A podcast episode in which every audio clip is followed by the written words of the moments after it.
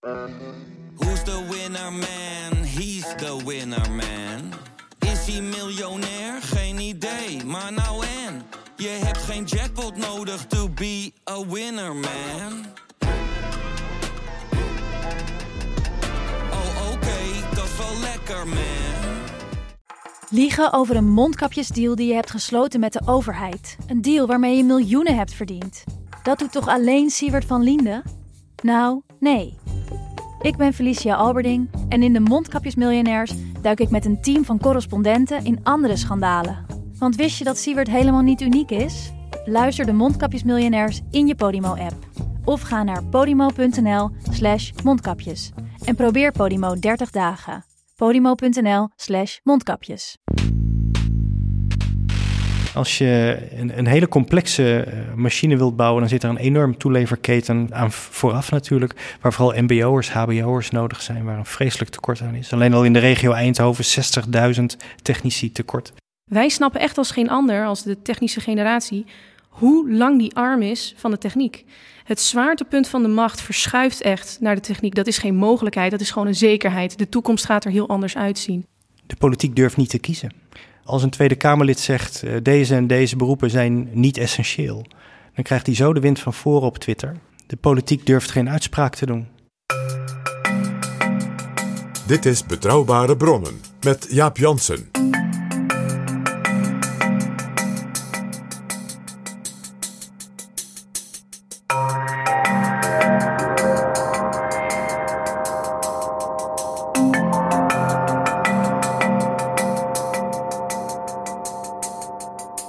Hallo, welkom in Betrouwbare Bronnen, aflevering 324. En welkom ook PG. Dag Jaap. PG, anderhalf jaar geleden, in september 2021, maakten wij een aflevering onder de titel Crisisopkomst. De Nederlandse economie loopt vast door tekort aan technisch geschoolde arbeidskrachten. Nou, die crisis is gekomen. Hoog tijd om in deze aflevering te gaan kijken hoe stevig die crisis is en hoe we eruit komen. En dat doen we vanuit Rijswijk, want wij zijn in de loods. Daar is een bijeenkomst van zeg maar, de top van het bedrijfsleven, de beroepsonderwijswereld, over dat vraagstuk. Want dat zullen ze toch echt samen moeten doen. En dat is georganiseerd door het platform Talent voor Technologie. Ja, en we gaan zo praten met Beatrice Boots van dat platform. Met een student, een docent en met Paul Simmeren van ASML. Waar ze natuurlijk heel veel talent kunnen gebruiken. En in het tweede deel van deze aflevering verwelkomen we Eppo Bruins van de Adviesraad voor Wetenschap, Technologie en Innovatie. En Marjolein ten Hoonte van de Randstadgroep. En helemaal tot slot komt Pieter Moerman, ook van Talent voor Technologie, er nog even bij. Maar eerst, PG, zijn er nog nieuwe vrienden van de show? Ik moet heel diep ademhalen, want het zijn er weer heel veel. En dat stellen we geweldig op prijs. Dankjewel Geert-Jan, Paul, Daan, Esra, Mark, Bert-Jan, Hugo, Auke, Juri, Bas, Jorn, Godfried en nog een Jan. Dat zijn allemaal mensen die met een donatie die, als het goed is, elke maand of één keer per jaar herhaald wordt, ons steunen zodat we nog veel meer mooie afleveringen kunnen maken. En er zijn ook mensen die losse donaties doen. Oh ja, dat zijn er ook weer twee. Dus heel erg dank aan zowel Marianne als Nicolette. Zeer veel dank. Wil jij ons ook helpen met een donatie en zo nog veel meer afleveringen mogelijk maken? Ga dan naar vriendvandeshow.nl/slash BB. En de vrienden konden de afgelopen dagen meedingen naar het boek van onze gast in de vorige aflevering, Paul Frisse, De Integrale Staat, uitgegeven door Boom Filosofie. De drie exemplaren gaan naar Wim uit Enschede, Lens uit Amsterdam en Marianne uit Zwolle. En dat zijn geluksvogels, want de hoeveelheid uh, berichtjes die alleen al bij mij binnenkwamen van mensen die dat boek wilden hebben, waren ongekend. Ook heel veel wat ik leuk vond, alumni van Paul Frussen. Die zeiden: Ik zou het zo leuk vinden. Ik ga het boek anders toch wel kopen. Maar ik zou het zo leuk vinden als vriend van de show dat ik het van mijn professor dat boek krijg. Dan zie je dat er een soort persoonlijke connectie, zowel met die gast is als met ons. Ja, en dan moet ik ook nog even een aantal vrienden van de show streng toespreken. Want die hebben mij gemeld dat ze graag meedingen naar het boek, maar zonder hun volledige naam en postadres erbij te geven. Ja, dan uh, vis je natuurlijk buiten de vijver. Ja, we gaan het niet persoonlijk afgeven in uh, Bedum. Hè? Dat, Nee. is, uh, dat is wat, wat lastig.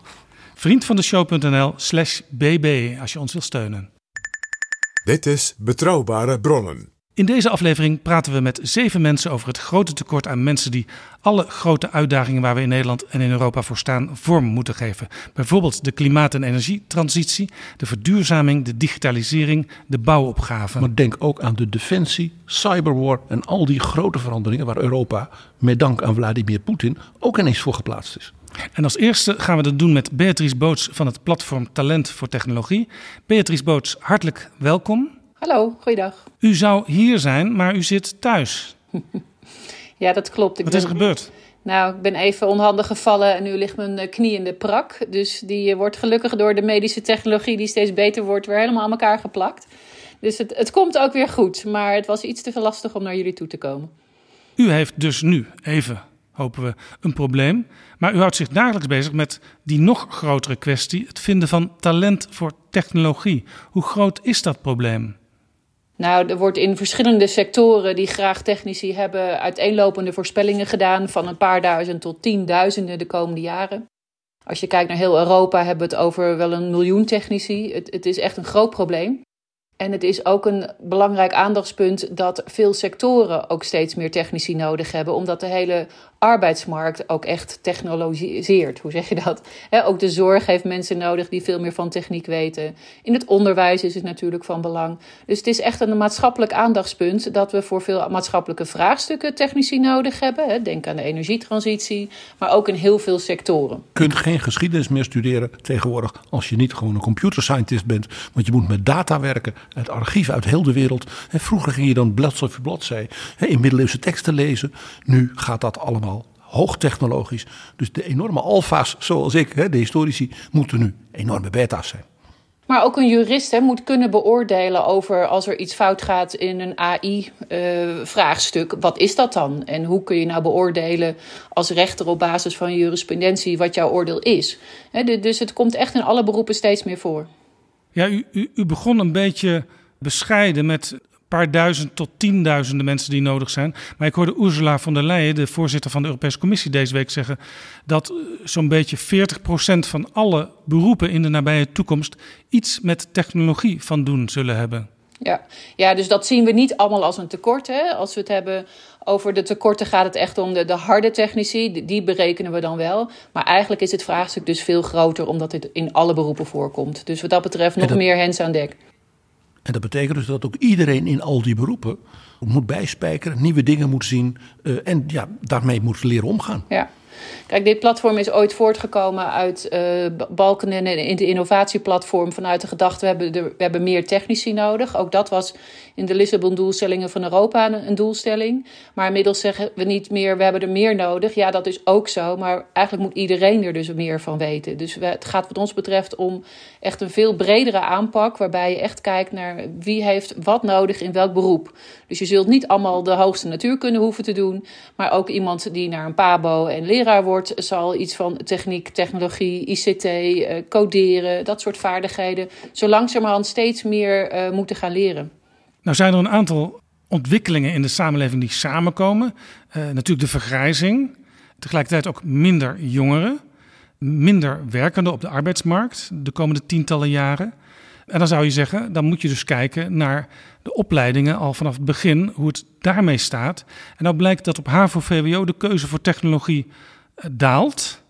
En eh, op het VMBO stijgt die gelukkig sinds twee jaar. Maar is het nog een, laag percentage? Hoe verklaart u dat? Dat op de scholen er nog steeds toch relatief weinig belangstelling is voor zo'n technische of technologische opleiding? Relatief zijn we echt enorm gegroeid. In der tijd eh, is het Deltaplan Beta Techniek heeft zwaar ingezet op meer jongeren in het hoger onderwijs en ook op HAVO-VWO. We Dat was in die periode Balkenende. Dat is de periode Balkenende en de periode van het Deltaplan, dat tot ongeveer 2010 duurde. En we zien dat we in die periode op HAVO, vooral op VWO, van onder de 30% jongeren die een NT- en G-profiel koos, dus een profiel waarmee je een technische of een beta- of natuurwetenschapsstudie kunt doen, naar ruim 60% is gegaan op het VWO. Dat is een verdubbeling dus. Dat is een verdubbeling. Dus daar hebben de scholen keihard aan gewerkt, samen met het bedrijfsleven. De vakken zijn aantrekkelijker gemaakt, de context, hè, wat, wat kan je ermee doen, wat voor banen en beroepen heb je, zijn duidelijker gemaakt in samenwerking met het bedrijfsleven. Uh, ontwikkelingen zoals het technasium zijn toen ontstaan. Dus je ziet echt een massale vernieuwing in die periode die tot 2015 is doorgegroeid op HAVO-VWO. Daarna is de focus een beetje verlegd. Uh, ook andere dingen werden belangrijk.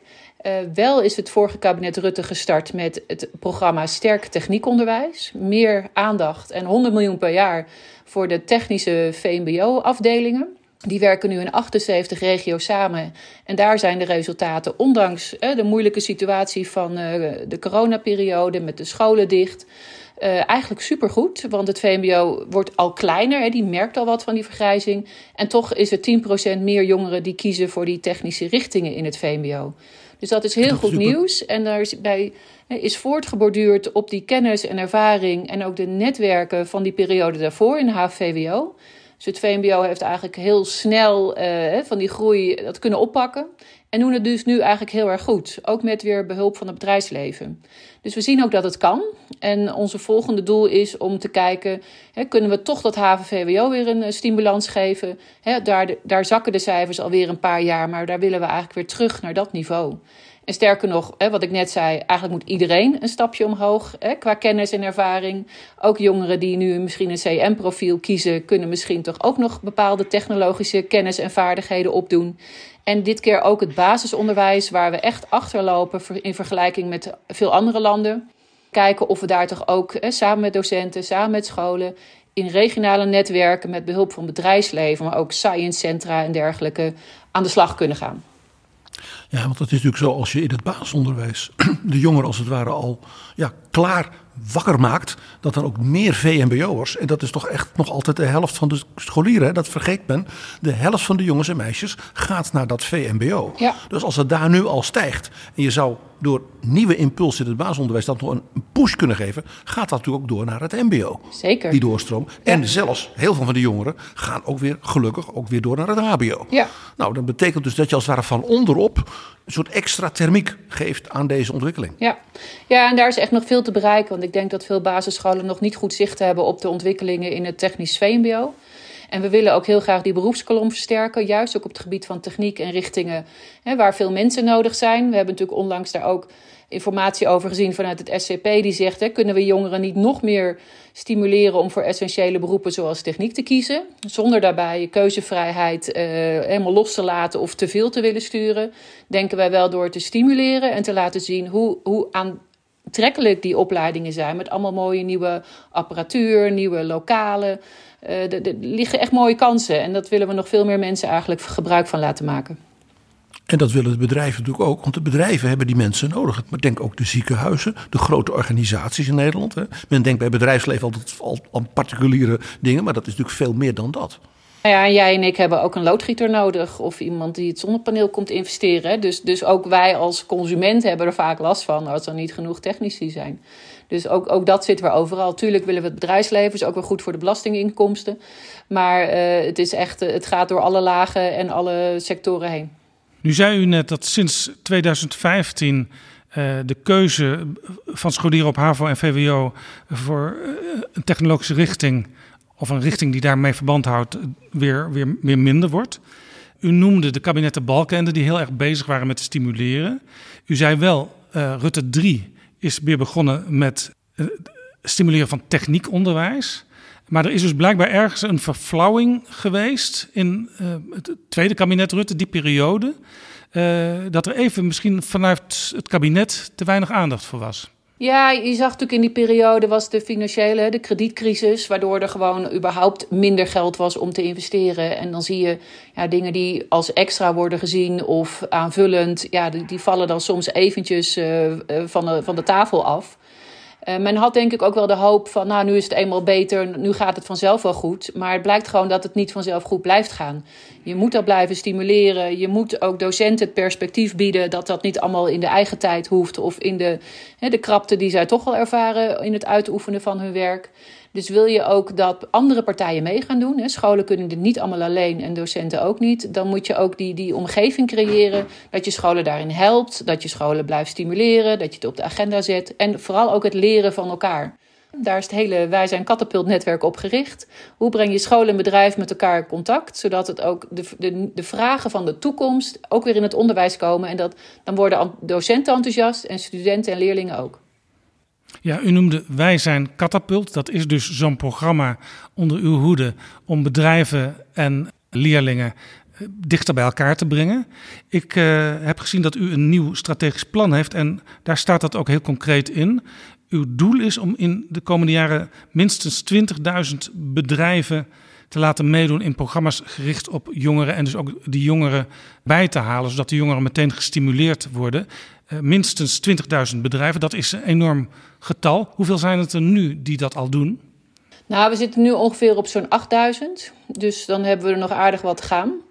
En in het kader van de, de groeifondsaanvraag die Catapult heeft ingediend, uh, komt die, komen die mogelijkheden er ook. Om in 15 regio's deze aanpak, die nu nog klein is, op te gaan schalen in alle regio's. Zodat vooral ook meer bedrijven en vooral ook MKB-bedrijven kunnen gaan meedoen. En MBO- en HBO-instellingen daar, daar heel nauw in samenwerken. Wacht even, want u zegt hier iets belangrijks. Ik hoorde het, het woord groeifonds. U bedoelt het Nationaal Groeifonds. Klopt. Uh, dat, dat is dat fonds waar uh, miljoenen, ik kan beter zeggen miljarden, miljarden. in zitten. om uh, de samenleving ja, naar de toekomst te helpen en te stimuleren. En het groeivermogen van de Nederlandse economie naar de toekomst aan te wakkeren. En daar heeft u dus ook een aanvraag gedaan bij dat groeifonds. En een aanvraag is ook al toegekend. Ja, het aanvraag voor MBO-HBO en de samenwerking met het innovatieve MKB te stimuleren. Uh, dat is al inmiddels goed gekend en dat, dat loopt inmiddels ook al. Hoeveel krijgt u daarvoor van het Groeifonds? Uh, het Groeifonds uh, geeft ruim 200 miljoen, waarvan bijna alles naar deze 15 regionale samenwerkingsverbanden gaat. Gefeliciteerd. Ja, dankjewel. En komt er nog meer? Nou, nu komt de volgende stap. Want ja, als je natuurlijk op MBO, HBO zo aan de slag gaat. en je ziet dat in het uh, funderend onderwijs, dus uh, basisonderwijs, HAVO-VWO. we eigenlijk het weer wat slechter zijn gaan doen. Terwijl alle vraagstukken waar we het net over hadden groter worden. Is de volgende stap, ja, hoe krijgen we nou in het funderend onderwijs technologie weer echt veel nadrukkelijker in de school. Samen met de docenten, samen met de bedrijven, in de regionale context. Gebaseerd op de aanpak in het VMBO, sterk techniekonderwijs. En dat, uh, die aanvraag gaan we indienen. En uh, met heel veel support van allerlei scholen, docenten, bedrijven, regionale partijen die ook al heel hard bezig zijn. Dus we, we, voldoen eigenlijk nu aan de oproep van Jeroen Dijsselbloem. Die de vorige keer zei: wij gaan nu heel veel ontwikkelen. En meer windmolenparken, fotonica, waterstof. Uh, maar we hebben de vakmensen nodig. En als je die nodig hebt en daar de komende jaren zoveel in de technologische ontwikkeling gaat uh, investeren, moet je ook in het menselijk kapitaal investeren. En daar, daar doen wij in ieder geval nu een, een voorstel voor. Nu is deze week precies op het moment eigenlijk dat wij hier aan tafel zitten in Rijswijk in Brussel het Green Deal Industrial Plan gepresenteerd door commissievoorzitter Ursula von der Leyen. En daarin uh, legt ze heel erg veel nadruk op het bevorderen van vaardigheden. Vaardigheden, het Engelse woord is skills. En in Europa hebben ze dit ook tot het jaar van de vaardigheden, the Year of Skills, bevorderd. Dat betekent dus dat u eigenlijk heel veel wind in de rug krijgt, in Nederland ook, vanuit Brussel de komende periode. Ja, dat klopt. In Europa hè, zien we dit natuurlijk ook. Uh, daar komt dus dit nou ja, het groene banenplan uh, uit. Ook in Nederland zal Rob Jetten daar binnenkort mee komen. Groene en digitale banen actieplan. Dus je ziet aan alle, op allerlei fronten dat dit gebeurt. En ik kan je ook melden dat in Amerika het programma You Belong in STEM door Biden is gelanceerd, waar 120 miljard beschikbaar is voor de basisvaardigheden, de K-12, de K-12, dus de kinderen tot en met 12 jaar. Dus ook ja, in en Amerika. STEM, even voor de helderheid, STEM dat is een afkorting voor? Science, Technology, Engineering en Math. Uh, ja, dus precies eigenlijk, waar u ook mee bezig bent. Precies. Dus in, in, in het Engels of in het buitenland noemen we het STEM. In Duitsland noemen ze het MINT. Hè, daar, daar is het net een andere afkorting. Maar uh, in Amerika En in Scandinavië zeggen ze STEAM, want daar hebben ze de A van arts erbij. Ja, dat, dat gebeurt ook steeds meer. Ja. De Finnen en de Esten en de Balten die zeggen altijd... de creativiteit, de kunstzinnige ja. opleidingen horen eigenlijk hierbij. Ja.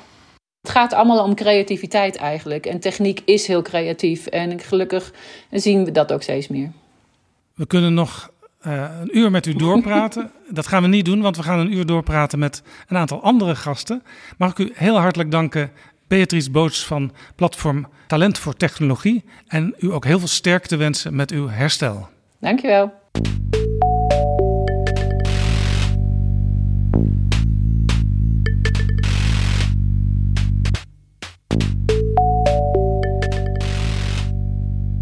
Aan tafel komen nu Ben Snoeis, docent engineering aan de Associate Degrees Academie in Roosendaal.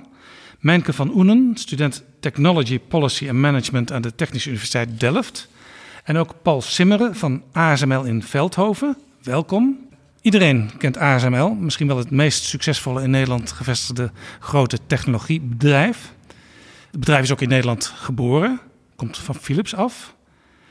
En ASML was natuurlijk afgelopen week nog in het nieuws. Misschien niet heel fijn nieuws voor ASML, maar ik weet niet of ik u daarover mag vragen, want het moet natuurlijk eigenlijk aan de allerhoogste baas vragen. Het, het, lijkt me verstandiger als je dat soort vragen aan de hoogste baas stelt.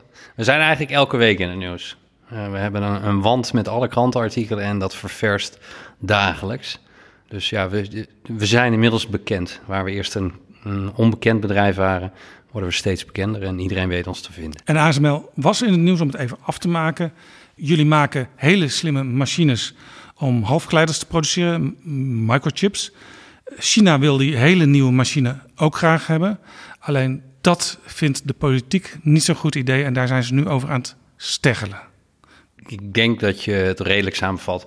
De relaties tussen de verschillende landen uh, en, en de gesprekken die erover plaatsvinden, vinden al jaren plaats. En uh, dat zal in de toekomst waarschijnlijk ook gebeuren. Ja, overigens, ik zei al, uh, ASML is een kind van Philips, zou je kunnen zeggen, ja. afgesplitst. Ja. Met Philips gaat het niet zo goed, hoorden we deze week ook. Het grote natlab waar alle grote uitvindingen ja. zijn gedaan, dat is een beetje aan het sterven, zou je kunnen zeggen. Dat moet uw hart toch ook een beetje pijn doen, denk ik, als oud Philipsman. Als oud Philipsman, ik heb er zelf 12,5 jaar gewerkt. Het is, is triest om te zien, maar het is iets wat je natuurlijk al, al jaren zie je Philips kleiner worden en afsplitsen. En er is een hele mooie bedrijf uit ontstaan. Uh, Signify, het oude Philips Lighting, NXP, het oude Philips Semiconductors. En ASML, ja, ooit 39 jaar geleden begonnen bij Philips. En nu inderdaad een heel succesvol bedrijf. Ja, dus dat is het mooie van technologie ook. Ja. Er ontstaat altijd wel weer iets nieuws wat weer kan groeien. Ja. Heeft u zo'n natlab? Wij hebben een, een research afdeling en we hebben een design en engineering afdeling. En dat zijn substantiële afdelingen. Anders georganiseerd dan uh, Philips dat had. Hè, heel uh, zelfstandig een research uh, stuk. maar wij hebben een research afdeling die samenwerkt met vele partijen, leveranciers, maar ook research instituten over de hele wereld om, om bezig te zijn met de machines van de toekomst. Hè? De machines die nu op de markt komen, die zijn jaren geleden ontwikkeld samen met vele technologische partners. Ja, u zelf uh, houdt zich bij ASML bezig met society en community engagement. Ik moet even de luisteraars excuseren voor de Engelse termen, die waarschijnlijk ook later in dit gesprek en in andere gesprekken nog wel terug zullen komen. Dat gaat nu eenmaal zo in de technologiewereld. Maar wat doet u de hele dag? Um, ik hou me niet met technologie bezig, maar wel met uh, het bevorderen van uh, technologie op, uh, op scholen. Um, onze afdeling is een nieuwe afdeling bij ASML. we deden voorheen ook wel iets aan community engagement. Naarmate je groter wordt als bedrijf, en afhankelijk van de locatie waar we zitten, maar we zitten in Veldhoven in Nederland. Er werken nu bijna 20.000 man in Nederland. Dat is nogal veel voor zo'n omgeving en zelfs veel voor de Brainport. En wij groeien heel hard. Uh, waarschijnlijk in de komende acht jaar komen er nog 15.000 medewerkers bij. Ja, en Veldhoven is een dorp. En Veldhoven is een dorp met 20.000 woningen. Dus u zit eigenlijk op de verkeerde plek? Uh, we zitten op een fantastische plek, uh, midden in de Brainport. Met enorme high-tech industrie. En heel veel goede bedrijven die, die in onze keten werken. Ja, nee, want dat moeten we erbij zeggen. Brainport Eindhoven is natuurlijk groter dan de stad Eindhoven alleen. dat strekt zich ook uit tot onder andere Veldhoven. Ja, en, en, en Veldhoven ligt nog dichtbij, maar het Brainport bestaat uit 21 gemeentes. En ja, van, van onze toeleveringsketen, ja, die, dat is een heel belangrijk deel daarvan zit in, uh, in, in die Brainport-omgeving. Ja. En we werken dus intensief samen met gemeenten, maar ook uh, de bedrijven uh, en onderwijsinstellingen. en Ja. Fontis. Maar u moet dus ook, eh, om, om het even klein te houden, u moet dus ook gewoon de mensen in Veldhoven die, die niet met ASML hebben, die er niet werken of Ja. Eh, geen zoon of, of de buren, dochter hè, hebben die daar werken, buren, zou je kunnen zeggen. eh, die moet u tevreden houden. ASML groeit en ASML blijft groeien voorlopig. Eh, en we moeten gebalanceerd groeien, samen met de omgeving waar we in actief zijn. En als je kijkt, ja, dan, dan gaan we toch maar een Engels woord gebruiken. Het stakeholderveld, van, van buren tot burgemeesters tot bedrijven in onze omgeving. We proberen met iedereen een, een, een goede relatie te hebben en, en kijken hoe we ehm, niet alleen onze footprint kunnen compenseren. Eigenlijk wil je een bedrijf zijn met een, met een positieve footprint.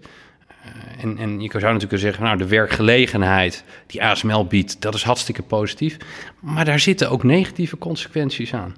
Want ja, misschien kunnen andere bedrijven daardoor geen medewerkers meer vinden. Ik begreep dat u ook huizen gaat bouwen voor mensen. Nou, dan, het, zo heeft het niet in de krant gestaan. In de krant het- heeft, maar dat valt bruut. wel binnen onze afdeling. Ja. Dat, is, dat Ja. is het goede voorbeeld.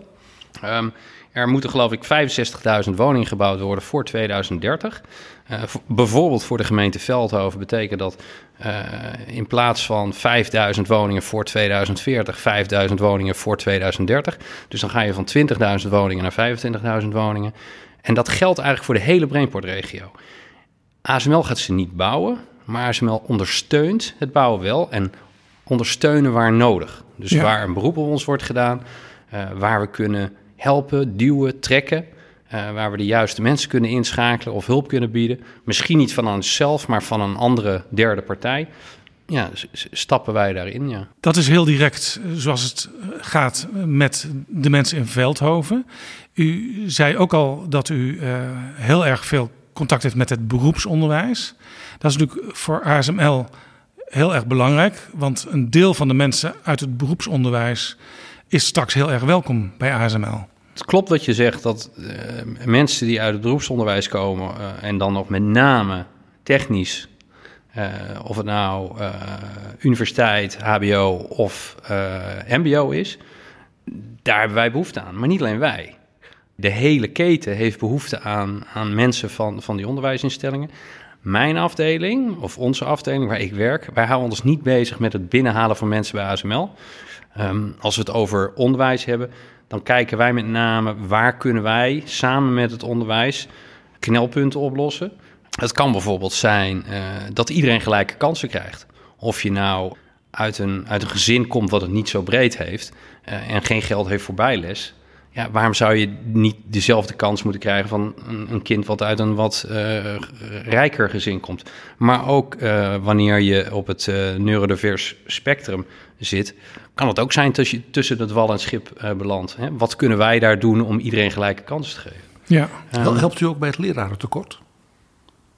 Bijvoorbeeld mensen van u die bij wijze van spreken als docent kunnen invallen? Ja, wij hebben, bij ons is het beleid zo dat iedereen die bij ons werkt, betaald door ASML, acht uur per week les mag geven op een school. Toevallig zit dat in mijn afdeling sinds 1 januari. Ehm, maar als je kijkt wat de werkelijk aantal hybride docenten is wat geplaatst wordt, is dat nog veel te laag. Dus de match maken tussen bedrijfsleven en onderwijs blijkt moeilijk te zijn. Dus uw aanbod vanuit ASML van eh, acht uur per week iemand als docent aanleveren is groter dan de vraag op dit moment. Het probleem zit hem op de match. Ik denk dat er een vraag is. Ik denk dat er een aanbod is. En eh, we hebben iemand in onze afdeling ervoor verantwoordelijk gemaakt. En die is nu afspraken aan het maken met verschillende onderwijsinstellingen om het concreet te maken. En toevallig heb ik deze week voor mezelf een aanbod gekregen van zou je dit willen doen of zou je dat willen doen. Nou, eens kijken of ik over een paar maanden zelf ook hybride docent ben op een, eh, op een middelbare school. Ja, want Als het Mark werkt. Rutte het kan, dan kan u het ook. Inderdaad. En hij doet het al jaren. Eh, wij hebben ook trouwens mensen bij ons, eh, hoe noemen we dat? Executive Committee, dus dat zeg maar de top 15. Ik weet in ieder geval van één iemand daarin eh, die regelmatig les geeft op een, dan moet ik even nadenken, ik denk dat het of het een VMBO of een MBO is. En het idee is natuurlijk, als die kinderen in aanraking komen ook met ASML en waar ASML voor staat, dan kan het altijd helpen met dat er misschien een lampje gaat branden van, hé, hey, misschien wil ik wel in de toekomst bij ASML gaan werken. En daarvoor doen we het niet. Dat is een hele andere afdeling en die hebben hele campagnes om, om, om mensen die afgestudeerd zijn Maar het is wel mooie bijvangst natuurlijk. Nee. U hoeft er niet bescheiden over te doen. Nee, maar dat, dat, nee, voor dit stuk, voor hybride docenten, is, is dat niet de bijvangst. Alles wat wij doen, en ik snap je punt, dus alles wat wij doen waarvan wij denken, uh, daar is behoefte aan in de samenleving, of daar krijgen we, hebben we over gelijke kansen uh, in de samenleving. Als we dat zouden doen samen met een partij, dan is het bijna onmogelijk te zeggen dat is negatief voor ASML. Ja, dus dat het een positief uh, side effect heeft voor ASML, ja, daar zijn we ons, ons zeker van bewust.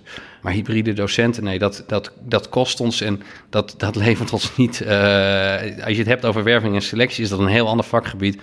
En, en daar staan andere mensen voor opgesteld. Ik wil even naar een echte fulltime docent. En dat is Ben Snoeis van de Associate Degrees Academy in, in Roosendaal. U studeerde zelf werktuigbouwkunde. Wat doet u op die school? Wat voor les geeft u en wat voor school is het? Ja, het is een associate degree, dus dat is eigenlijk een, een niveau 5 opleiding die met de internationalisering van het onderwijs in Nederland ingebracht is. Niveau 5? Ja, dus voorheen hadden we uh, je HBO, dus een bachelor is niveau 6 en we hadden het MBO tot niveau 4. En uh, daar heeft een aantal hogescholen gezegd van er zit iets tussen. Eigenlijk een soort brug tussen die twee soorten ja, opleidingen. Dus die wij zijn waren. een praktijkgerichte HBO. In twee jaar tijd haal je dan eigenlijk je HBO-diploma. Uh, waarbij we heel dicht tegen het werkveld aan zitten. En dat is wel een beetje het verschil met traditionele uh, HBO-onderwijs in Nederland, die daar toch vaak net wat verder vandaan zit. En de vraag natuurlijk van vandaag is: is er voldoende instroom uh, bij jullie? Want uh, die jongeren die zijn uiteindelijk ook nodig bij een bedrijf als ASML. Nou, wij hebben specifiek een, een ander probleem ook, omdat we in een krimpregio zitten.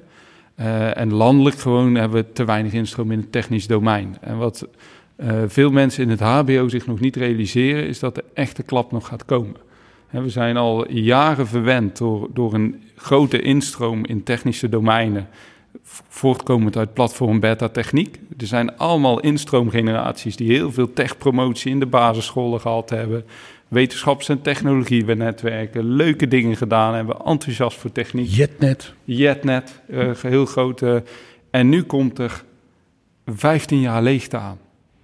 En we zijn al vijf jaar lang aan het dalen. Ja, hier hadden we het overigens met uh, Beatrice Boots al over aan het begin van ja. deze aflevering.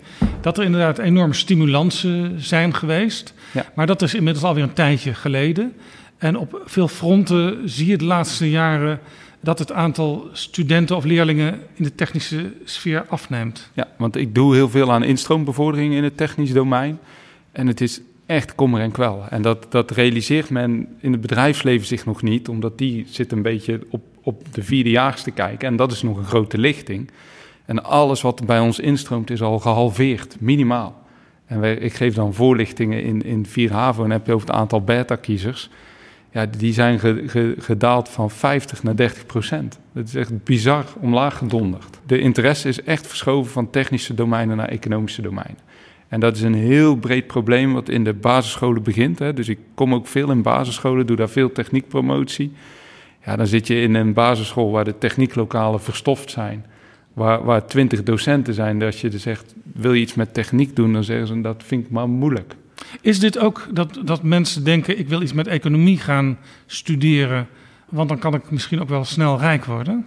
Ja, dus dat is ook een, een beeld wat we echt moeten ontkrachten. De, ik post daar veel op op social media. Dat gewoon 9 van de 10 best betaalde beroepen in het MBO is techniek. 8 op de 10 van de best betaalde beroepen in het HBO is techniek.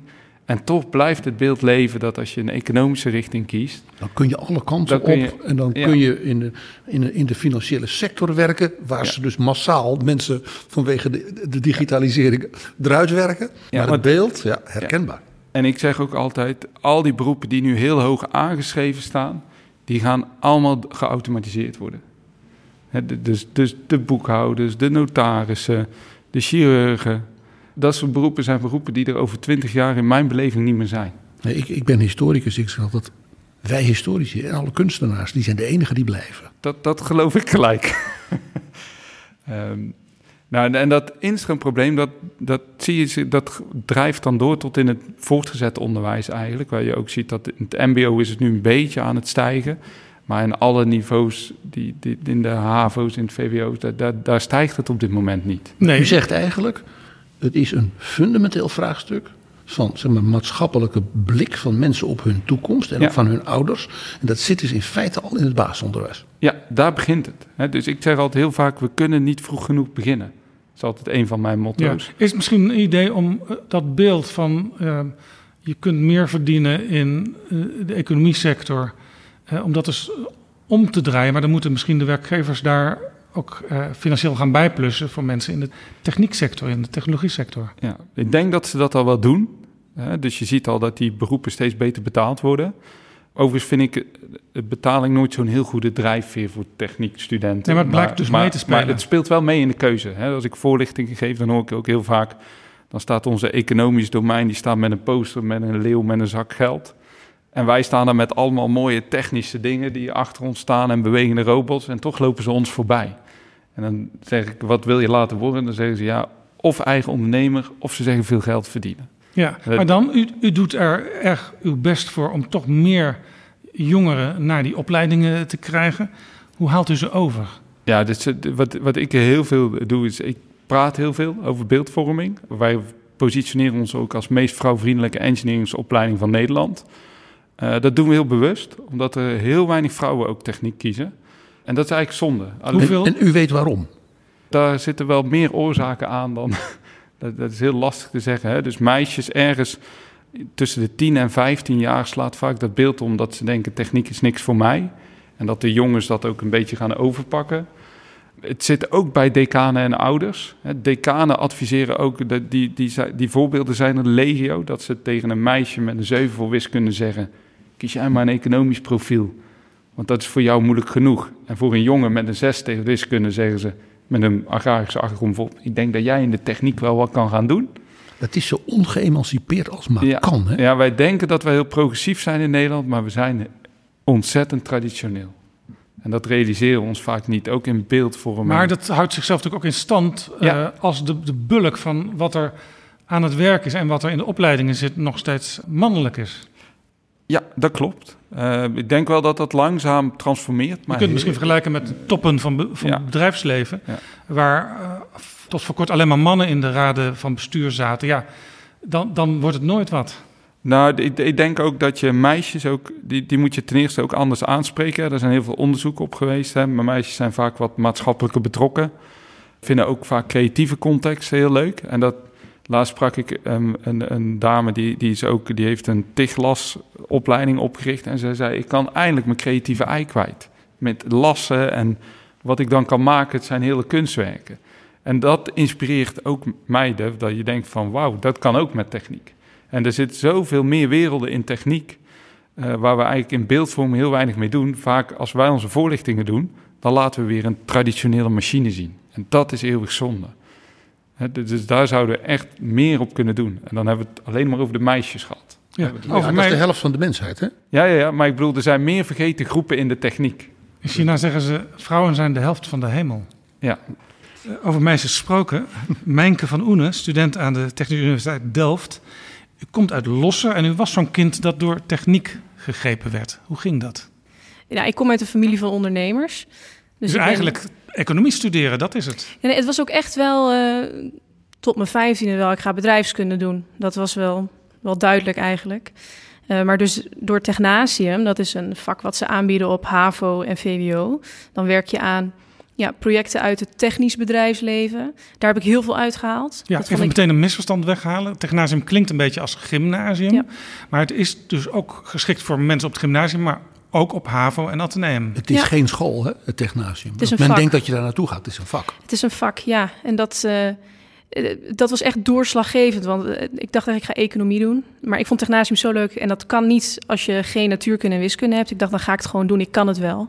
Dus zo is het eigenlijk gegaan. En Ja, maar ook u was dus een voorbeeld van iemand die bijna door dat wiskundedrempeltje ervan weerhouden werd. ja, ik vond wiskunde wel echt moeilijk. Ja, daar had ik wel eh, moeite mee. Ik heb echt, eh, echt heel erg mijn best moeten doen om het te halen Maar uiteindelijk. dit is heel interessant wat we hier noteren. De associatie in Nederland, ook bij ouders en bij docenten, is dat wiskunde is techniek. Ja. Wiskunde is technologie. Is natuurlijk helemaal niet zo. Wel een beetje. Klopt.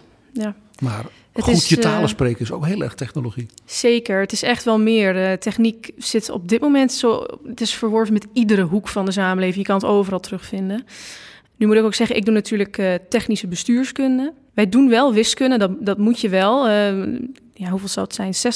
60% van de vakken heeft wel een wiskundige basis. Maar het is echt niet dat we alleen maar aan het rekenen zijn. Hè? Wij maken modellen, wij uh, ja, programmeren veel. Dat is echt niet zo wiskundig als je denkt alleen maar sommetjes maken. Dat is echt wel praktisch in die zin. Het is echt gewoon, ja, zoals uh, net ook al werd aangegeven, een beetje een hard skill. Dus echt. Wat is het leukste? Ik vind de sociale component het leukst. Wij doen veel projecten um, vanuit de overheidsperspectief. Uh, en dan kijken we naar hele grootschalige technische systemen die ook sociaal heel veel invloed hebben. Dus dan uh, de energiesector, transport en logistiek, ICT. Dus uh, wat net ook al werd gezegd, ik, ben, ik vind dat maatschappelijke ook heel leuk. Dat, Cybersecurity. Um, ja, dat is heel belangrijk. Ja, daar kijken we ook heel van naar. Dat is echt, uh, maar dat vind ik leuk, want dan heb je ook een beetje die sociale kant van als jij iets wil implementeren, een technische oplossing. Um, hoe, zit dat, hoe wordt dat sociaal geaccepteerd? Bijvoorbeeld uh, zelfrijdende auto's, hoe wordt dat ontvangen? En, ja. en u begon uh, op school al, op het Bonhoeffer College in Enschede, ja. met allerlei proefjes en experimenten. En u heeft zelfs met een aantal medeleerlingen prijzen gewonnen. Ja, ja. Ik, ben, ik ben een redelijk fanatiek type. Dus daar komt het, uh, daardoor komt het wel, denk ik. U bent ik een beetje uh, gedreven. Ja, ik ben wel fanatiek, ja. Wat was het leukste project? Oeh. Waar was u het meest trots op? Welke, welke Het, prijs? waar ik het meest trots op ben, is mijn... Um, nou, dat zijn eigenlijk twee. Nou, de eerste keer dat ik echt won, dat was, dat was echt een... Uh, dat was de Technasium Top Award. Dus van alle Technasia Nederland een project. En dan deed iets van meer dan 2000 uh, studenten aan mee. Die had ik toen gewonnen. Dat ging over van gas los. Dus hoe kunnen we een complex gebouw... Dus denk aan een zorg, verzorgingstehuis. Dat zijn ingewikkelde gebouwen qua energievoorziening. Hoe halen we die van gas los? Nou, we hadden dat helemaal doorgerekend en we hadden allemaal terugverdienmodellen gemaakt. En onze conclusie was, het kan niet. En daarmee hebben we dus ook echt gewonnen. Uh, want wij waren de enige die zeiden, het kan nu nog niet. Het enige wat je kan doen is anticiperen en alvast investeren in systemen die aansluiten op waterstof. Maar alles wat je nu doet, dat zal niet helemaal rendabel zijn. En dat vonden die, dat waren allemaal bestuurders, die vonden dat zo mooi dat wij het gewoon eerlijk hadden gezegd van ja, als je echt efficiënt wil investeren, is dat geen goede keuze. En je kunt dus zelfs een prijs winnen met iets dat geen perspectief biedt. Nee, maar het, het, biedt wel perspectief, maar niet binnen vijf jaar. Wij zeiden, we gaan over naar waterstof. Je investeert alvast in systemen waarmee je ook met waterstof kan werken. En dan kun je wel bezuinigen, maar je kan nog niet volledig van gas los. Dat was onze conclusie. Heeft u dat Rob al uitgelegd? Nee, ik ben, ik ben nog niet zo politiek uh, bekwaam, dus dat... Uh, dat komt nog wel. Dat komt nog misschien, ja, dat, dat zit er nog niet in. En een ander project wat ik heel mooi vond, daar ben ik nu heel veel mee bezig. Dat gaat over het gebruik van algen om water te ontzilten. Ja. En dat, daar heb ik eigenlijk want, wel heel want, veel uh, Dat hebben we voor. al alles in betrouwbare bronnen uitgebreid besproken. Maar water, vooral drinkwater, is een toenemend probleem in de wereld. Het tekort daaraan. Ja. Er is natuurlijk heel veel zoutwater. Mm -hmm. Maar ja, hoe maak je daar drinkwater van? Ja. En daar kun je algen bij gebruiken. Ja, algen die... Nou, we hebben het over specifiek halofiele algen. Dat zijn dus algen uit zeewater. Die zijn eigenlijk door, hè, door de tijd heen zijn ze steeds... Um, ja, evolutie. Hè? Dus ze zijn steeds beter omgegaan met dat zout. En daardoor kunnen ze het een ze beetje konden er steeds beter tegen. Ze konden er steeds beter tegen. Ze leerden er echt mee omgaan om te overleven. Net mensen. Ja, precies. Dus, uh, dus die algen, die, dat blijkt dus uit ons onderzoek, dat kan. Um, het is dus niet voor drinkwater. Dat kan niet. Dat is ook wel moeilijk hoor. Als je de alg zou gebruiken voor drinkwater, zitten heel veel eisen aan. Maar het kan wel helpen met dat we zeggen voor al het andere water in uh, industriële processen, wellicht ook agrarisch, ligt eraan wat voor soort planten natuurlijk. Maar dat we dat water kunnen, dat we die watervraag kunnen opvangen met water dat ontzilt is door algen. En dan kunnen we meer water dus besparen voor drinkwater. En het mooie aan algen is natuurlijk dat ze zuurstof uitstoten in plaats van CO2. Dus het is klimaat volledig neutraal. Dus dat, uh... Ja, Paul Simmeren, zo iemand als Mijnke is natuurlijk het type waar ASML waarschijnlijk in de nabije toekomst ook veel aan zou kunnen hebben. Ik maak het even heel algemeen, hè? Mm -hmm. En ASML... U, u, hoeft geen algen te gaan verkopen, hoor. Blijf nee, die, nee, nee, blijf die microchips nog gewoon doen. Maar zo'n, dit type gedreven student, dat is natuurlijk wel wat u wil hebben. Wij, wij hebben heel veel vacatures. En uh, wij, het, het, liefst hebben we natuurlijk gedreven mensen... Uh, die heel graag bij ASML willen komen werken. Dus... Uh, als er een passende functie is, denk ik dat er voor, voor Mijnke wel een plek is. Ik begrijp, er is ook een ASML Junior Academy. Die zich richt op basisscholen. Ja. Wat, wat, wat doet die academy? De Junior Academy is in september van afgelopen jaar gestart. Heel pril dus nog? Heel pril. En we rollen hem dit jaar uit naar andere landen en, en naar meer scholen. Um, in september begonnen op 58 basisscholen. In de regio, hè? Van, In de regio, van eh, de Brainport. Brainport-regio, 58 scholen. Op vrijwillige basis, hè. de scholen kunnen zich inschrijven. We runnen de ASML Junior Academy samen met een commercieel bedrijf, Mad Science, uit Canada. Mad Science? Mad Science. En wat we doen op die scholen, eh, die dat graag willen, en als ze niet willen, dan ja, het is niet verplicht. We bieden zes technieklessen aan, waarvan vijf gegeven worden door medewerkers van Mad Science. Zeg maar gekke professoren, eh, die leuke Er moet ook gelachen worden. Eh, nou, laat het zo zeggen. Ik heb het zelf nu twee keer gedaan met volwassenen. Echt oude mannen, zeg maar. Nee. Ehm, en het, het is echt heel leuk. Het, het zijn hele leuke lessen. Je, het idee is dat je kinderen kennis laat maken met techniek... eh, zonder dat het saai is. En, en het, het is niet één onderwerp van techniek. De ene keer is het chemie, de andere keer is het een ander technisch onderwerp. En alle basisschoolleerlingen van alle groepen krijgen dan zes technieklessen per jaar. Zes lessen waarvan vijf door met Science en één door een ASML-medewerker eh, wordt gegeven.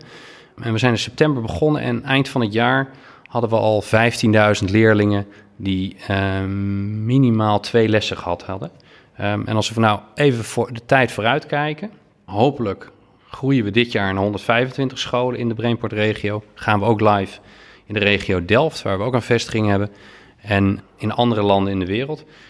Over drie jaar zouden we dan in de Brainport-regio jaarlijks 60.000 kinderen op basisscholen zes keer in aanraking komen met techniek.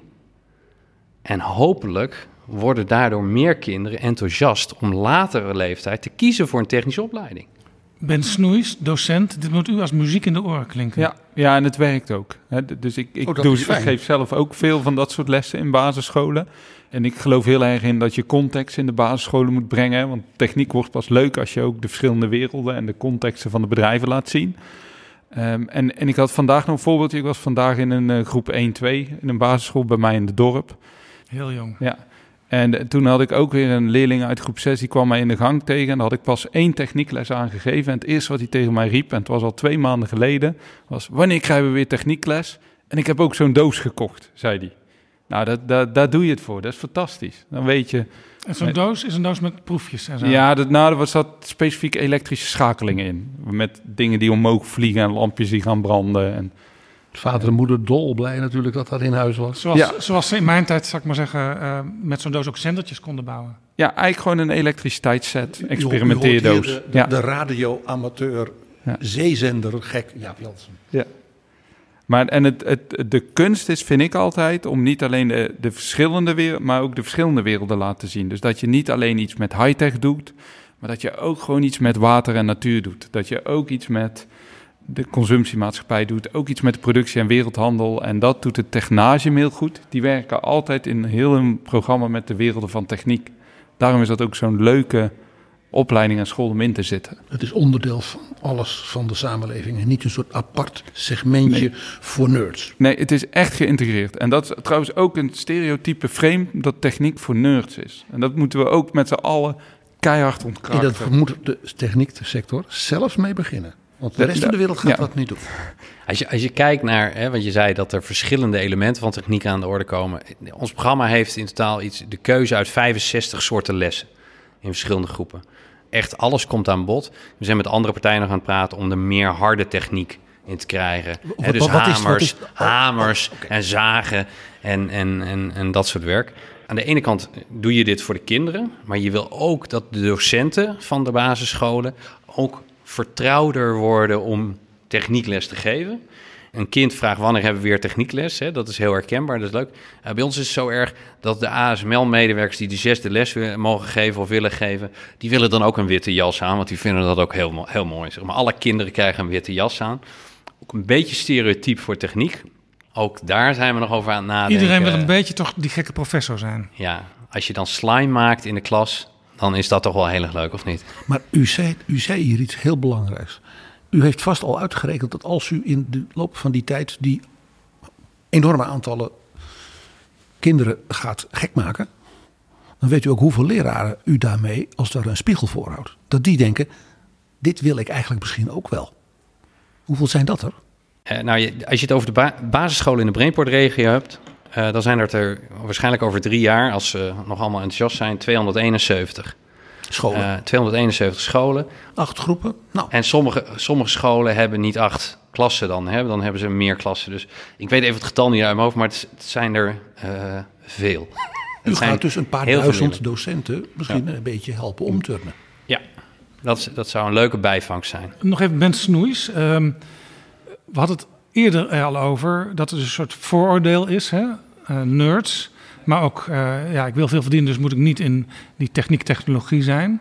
Maar dat betekent ook dat u als docent, eh, misschien zelfs voordat kinderen als leerling of als student bij u komen, de ouders ook mee warm moet maken. Hoe doet u dat? Ja, ik, ik post heel veel op social media en ik doe dat eigenlijk alleen op LinkedIn. En daar zit niet onze doelgroep qua studenten, maar daar zitten wel de ouders. En, en daar probeer ik specifiek heel veel voorlichting te geven van eh, wat techniek nu echt inhoudt, wat je kind later gaat doen. En daar post ik op een aantal gebieden structureel wekelijks eigenlijk bijdragen over. En, en zo probeer ik dat beeld, maar ja, dat kan ik natuurlijk niet alleen. Hè? Dus ik heb wel wat, wat volgers, maar daar is veel als, als meer mensen voor u willen nodig. volgen op LinkedIn, dan moeten ze bij Ben Snoeis zijn en dat schrijf je met IJ. Ja, of ze zoeken gewoon op techniekmaker. Want ik zeg altijd, ik ben de enige techniekmaker in Nederland. En zo noem ik me ook op social media. Dus dan hebben ze me gelijk gevonden. Ja. Als u, als u in die contacten met ouders. is er vast één ding dat u zegt. daar kom ik altijd weer tegen. Dat is als het ware dus nummer one obstakel. Wat is dat? Ja, het lastigste is dat wij in onze contacten heel veel de doelgroep vinden die we juist niet moeten bereiken. Met Preaching zelf een technische achtergrond. En het is veel lastiger om die grote groep te bereiken die een verkeerde beeldvorming van eh, techniek hebben. En dat doe je alleen maar door op andere plekken te komen. Dus eh, ik heb laatst ook een echt een stuk gegeven. Ik vind dat we ook echt Nederlanders met een migratieachtergrond missen. De, alleen in het MBO missen we er al 14.000 die er demografisch zouden moeten zijn. Op het HBO hebben we er nog niet eens cijfers van. Maar ik kan uit ervaring zeggen, vaak hebben we maar twee of drie in een lichting van 100 zitten. Ja. En dat klopt gewoon niet. Ja, dus dus- even, even noteren. Dus eh, behalve jongens, die zijn er al heel veel, maar er mogen nog meer komen. Moeten er nog veel meer meisjes eh, komen in de richting van techniek. En ook mensen, jongeren met een migratieachtergrond. Zowel En- jongens als meisjes. Ja, en die dat is een heel lastig te bereiken groep, omdat die vaak nog op eh, ouderen in de familie kiezen. En die zijn hier vaak als arbeidsmigrant heen gehaald. En die hebben nog steeds het beeld van techniek is productiewerk. En je, bent- is, je bent een, onder, een verschoppeling in de fabriek. ja, Want dat was opa ook. ja, en Zeg ze het even heel hard, hè? ja, en ze willen het beter doen. Hè, dus kiezen ze geen techniek. Dus een witte boordenbaan. Ja, Maar Dus- hoe bereikt u die dan? Ehm, door op de plekken te komen waar hun zijn. En veel connecties te maken ook met Nederlanders met een migratieachtergrond die al in het onderwijs zitten. Maar dat is nog wel lastig hoor, want ze, de- de- ze staan daar niet altijd zo voor open. De peercoaches van de Hogeschool Rotterdam, daar weet ik toevallig iets van. Wat die deden was die dus Marokkaanse meisjes die in die hogeschool zitten. En die gingen gewoon naar de VMBO's en de HAVO's. En die gingen zeggen, jouw vader wil zeker dat je dit en dit moet. En dan zag je die meisjes allemaal knikken. Zeiden ze, nou, ik niet. Dus die confronteren dus die kinderen in die fase dat ze, zeg maar, ja, dat ze bereikbaar zijn. Ja. En ze gaan dus soms ook gewoon op werkbezoek bij ouders die zeggen, nou, ja, die, die ook weigeren voordat hun dochter iets gaat studeren. Want in onze familie studeer je dat. Dus die gaan gewoon op bezoek. Dat werkt enorm. Dus Ja. de mensen het zelf elkaar laten vertellen. Je, hebt het net over eh, arbeidsmigranten gehad. Wij hebben het altijd over internationals en je hebt duidelijk meerdere groepen. Hè? Je, hebt, je hebt de vluchtelingen, de arbeidsmigranten en je hebt de kenniswerkers. En als dat je zijn kijkt, heel verschillende. hele verschillende groepen. En, en, en zeker als je onder kenniswerkers kijkt natuurlijk. In de high-tech, omdat er zo'n tekort is aan technisch personeel... haalt elk bedrijf wat technici nodig heeft... veel mensen uit het buitenland. En dat zijn allemaal hoogopgeleide, maar ook mm, vakspecialisten... met een technische achtergrond. En ja, die hoeven kinderen denk ik weer niet te overtuigen... om een technische opleiding te kiezen. Nee, dat klopt. Mijnke van Oene, we hoorden net over die prachtige proeflessen techniek die worden gegeven. Dat was denk ik toen u in groep 1 of 2 was nog niet aan de orde. Nee. Nee, maar ik, ik kom ook echt uit een klein dorp. Dus dat, eh, Wat, wat is daar tegen? ja, dat is gewoon wat... Dat, als je kijkt, het verschil... Tenminste, ik kom uit Losser en dan heb je Enschede. En eh, iedereen noemt, tenminste in Losser noemt iedereen de, de, de stad. Dat is Enschede. Hè, dus dat is al best wel... je daar ziet de- echt een verschil. En daar is de Technische Universiteit. Daar is Saxion. Ja. Dus daar kan u heen. het, het het is toch iets dat, dat Enschede, die, die, dat is wat, die was gewoon, die liep gewoon vooruit. Uh, die, die liep voor op het gebied van onderwijs. Dat kon je ook al merken. Ik ben uiteindelijk naar Enschede op de middelbare school gegaan. En dan hoorde ik dat ze dan CITO-training hadden en dan CITO-lessen voor die eindtoets. Nou, moet je niet denken dat dat in Losser gebeurt. Nou, tenminste niet op een schooltje. Ik zat op een school met 100 leerlingen, dat gebeurt daar niet. Dus ik denk dat het, als je die mensen ook wil bereiken, maar dat zijn ook echt, er zitten ook echt de boeren en uh, die zijn eigenlijk best wel technisch, hè, als je het zo bekijkt. Die, die kunnen dat wel, maar die... Die kunnen allemaal dingen die, die ik, ik niet kan, hoor. Maar daar zit het probleem ook niet. Want als je ziet wat jij nu specifiek noemt, hè, mensen met een agrarische achtergrond, de boeren. Oh, die zijn het sowieso van plan. Die, die, die, die, worden met techniek opgeleid, die sleutelen aan tractors, die hebben een knutselschuur, die hebben de ruimte. Het probleem zit veel meer in de stedelijke regio's. Of mensen die die mogelijkheden niet hebben. En u bedoelt dat dat mensen zijn die dus nooit, zeg maar, bijna fysiek in contact komen met Nee, die komen niet in aanraking. Hoogstens een smartphone misschien. Maar, maar dat is het dan. En daar beleef je natuurlijk niet echt, behalve een heel hoop mediatechniek, dat natuurlijk ook een grote tak is. Maar meer krijg je daar niet mee. Mijnke van Oene, student aan de Technische Universiteit Delft. U moest destijds een beetje zelf uitvogelen van wat wil ik uiteindelijk. En u bent toen niet voor een economiestudie gaan kiezen, maar u ging uiteindelijk naar Delft. U bent betrokken bij jonge bruggenbouwers. Wat is dat? Dat is een jongerenorganisatie die ik ja, nu aan het oprichten ben. Van de technici van de toekomst die willen werken aan de toekomst van Nederland dan. Want ik ben, ja, ik ben dus naar de Randstad gekomen en toen ben ik, heb ik me uh, aangesloten bij 2100. Dat is eigenlijk een um, netwerk van jonge bestuurders, zal ik het noemen. Of ja, aspirantbestuurders, ik weet niet. Uh, maar daar zag ik dus uh, Aniek Monen van Jonge Klimaatbeweging. Nikki Trip van Jongeren in institutioneel pensioen. En toen dacht ik van, waar zijn de technici? Want als ik naar de toekomst kijk, dan zie ik gewoon techniek. Ik zie het echt. Het is cruciaal voor beleid. Het is... Dus waar, waar zij al mee bezig waren, dat was prima. Alleen er ontbrak nog iets. Ja, want zij hebben het allemaal over een toekomstbestendig Nederland. Maar dan denk ik van wie gaat dat faciliteren? Wie gaat het waarmaken? Dat zijn de technici. Die moeten ook betrokken worden. Dus vanuit dat idee heb ik dit nu opgericht. En dan wil ik me eigenlijk uh, opstellen als. Wat, wat doen die bruggenbouwers? Ja, als samenwerkingspartner. Hè? Dus meedenken ook aan het beleid. Want ze zeggen ook altijd: effectiviteit is acceptatie keer haalbaarheid. Nou, die acceptatie, dat, daar wil ik eigenlijk een beetje op inspringen. Hè? Dus dat perspectief van de jongeren, hoe zien wij dat nou? Hoe hebben wij die keuze nou gemaakt om dan dat beleid ook beter te maken? Want wij snappen echt als geen ander, als de technische generatie, hoe lang die arm is van de techniek. Het zwaartepunt van de macht verschuift echt naar de techniek. Dat is geen mogelijkheid, dat is gewoon een zekerheid. De toekomst gaat er heel anders uitzien. Dus toekomstbestendig Nederland, hoe dan ook, moet je meer technici hebben. En ook meer ja, maatschappelijk debat met technici. Want die mis ik echt die mis ik gewoon. Waar dus, zijn de technici? Dus misschien kun je ook het bewustzijn, waar deze aflevering van Betrouwbaar Bronnen ook een beetje over gaat, het bewustzijn uh, dat uh, ja, technologie zo belangrijk is voor wat we verder nog in ons leven gaan doen, dat we ook moeten denken aan heel veel mensen die in die sector gaan studeren en gaan werken. Daar helpen die jonge bruggenbouwers dus ook heel concreet in allerlei discussies bij.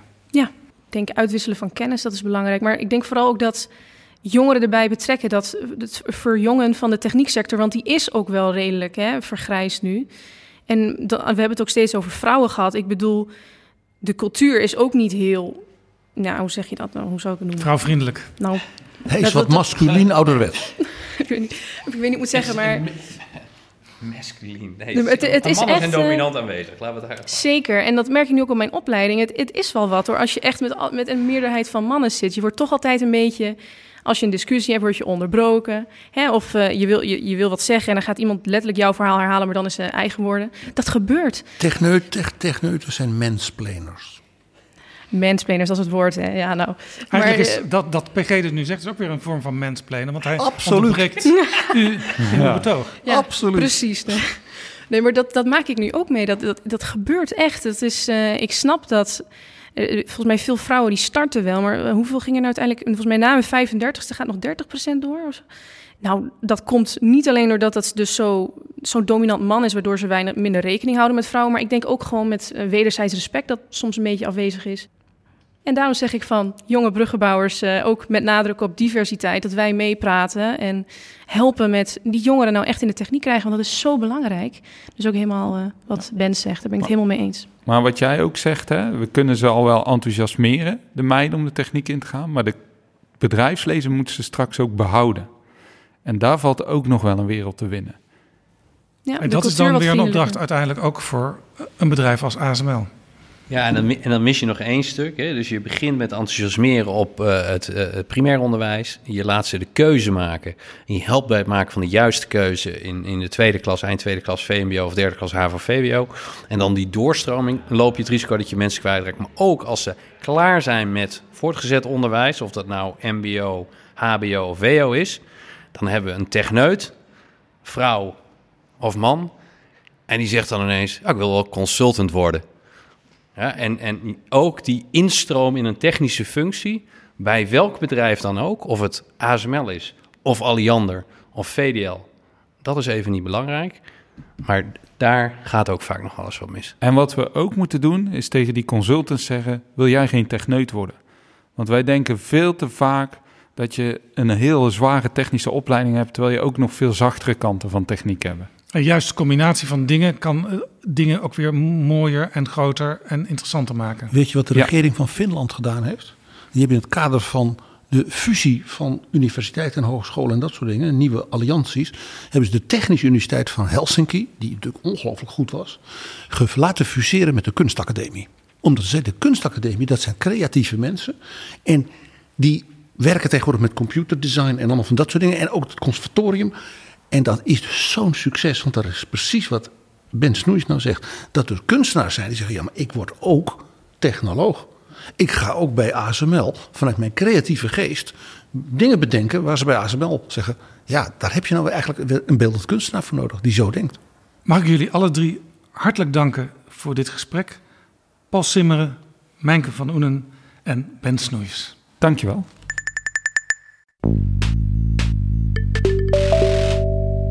Dit is Betrouwbare Bronnen, een podcast met betrouwbare bronnen.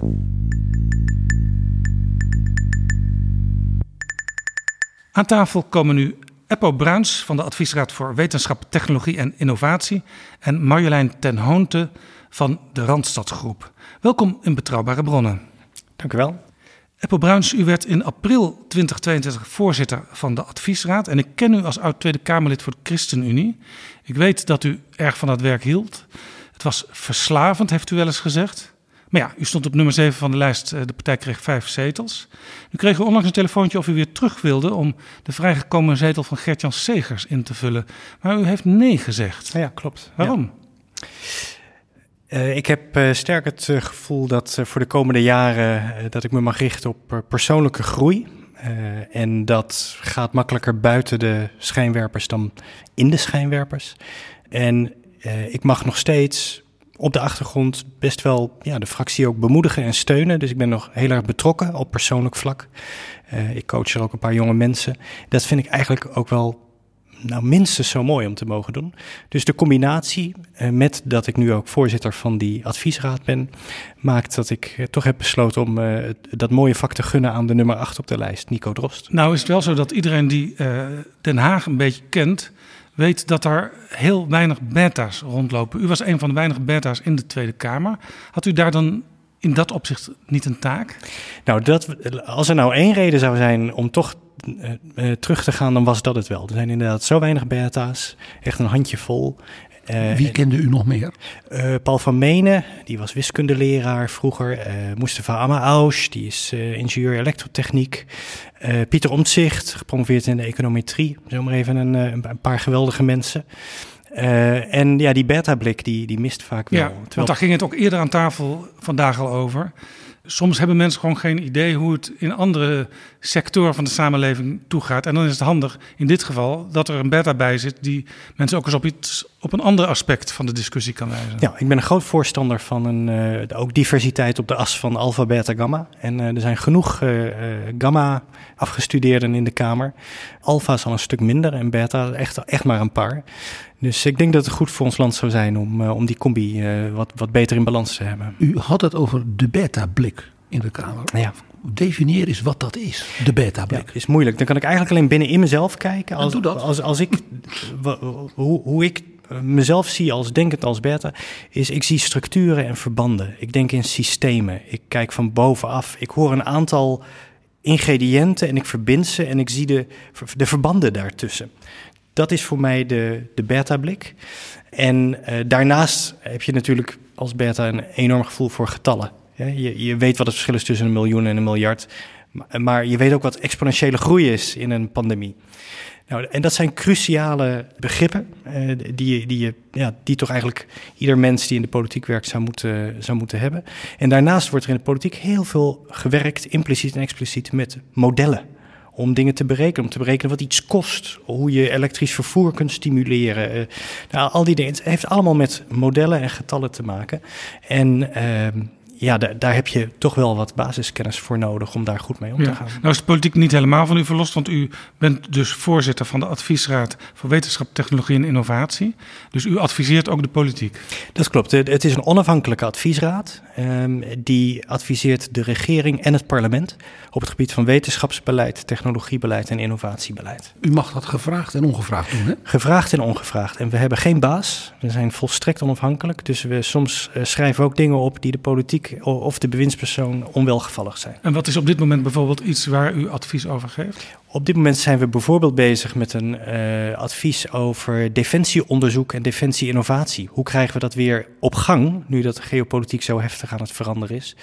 Een rapport dat nou, deze maand gaat uitkomen uh, over hoe gaan we ons Nederlandse onderzoek beter richten op de prioriteiten van Europa, zodat we dingen niet dubbel doen, maar aanvullen want Nederland is maar 2% van de wereld als het gaat om wetenschap en technologie. Dus 98% is buitenland. En hoe krijg je daar nou een vliegwiel? Dat het echt een meerwaarde gaat. Ik hoor het al, u doet ook nu heel nuttig werk.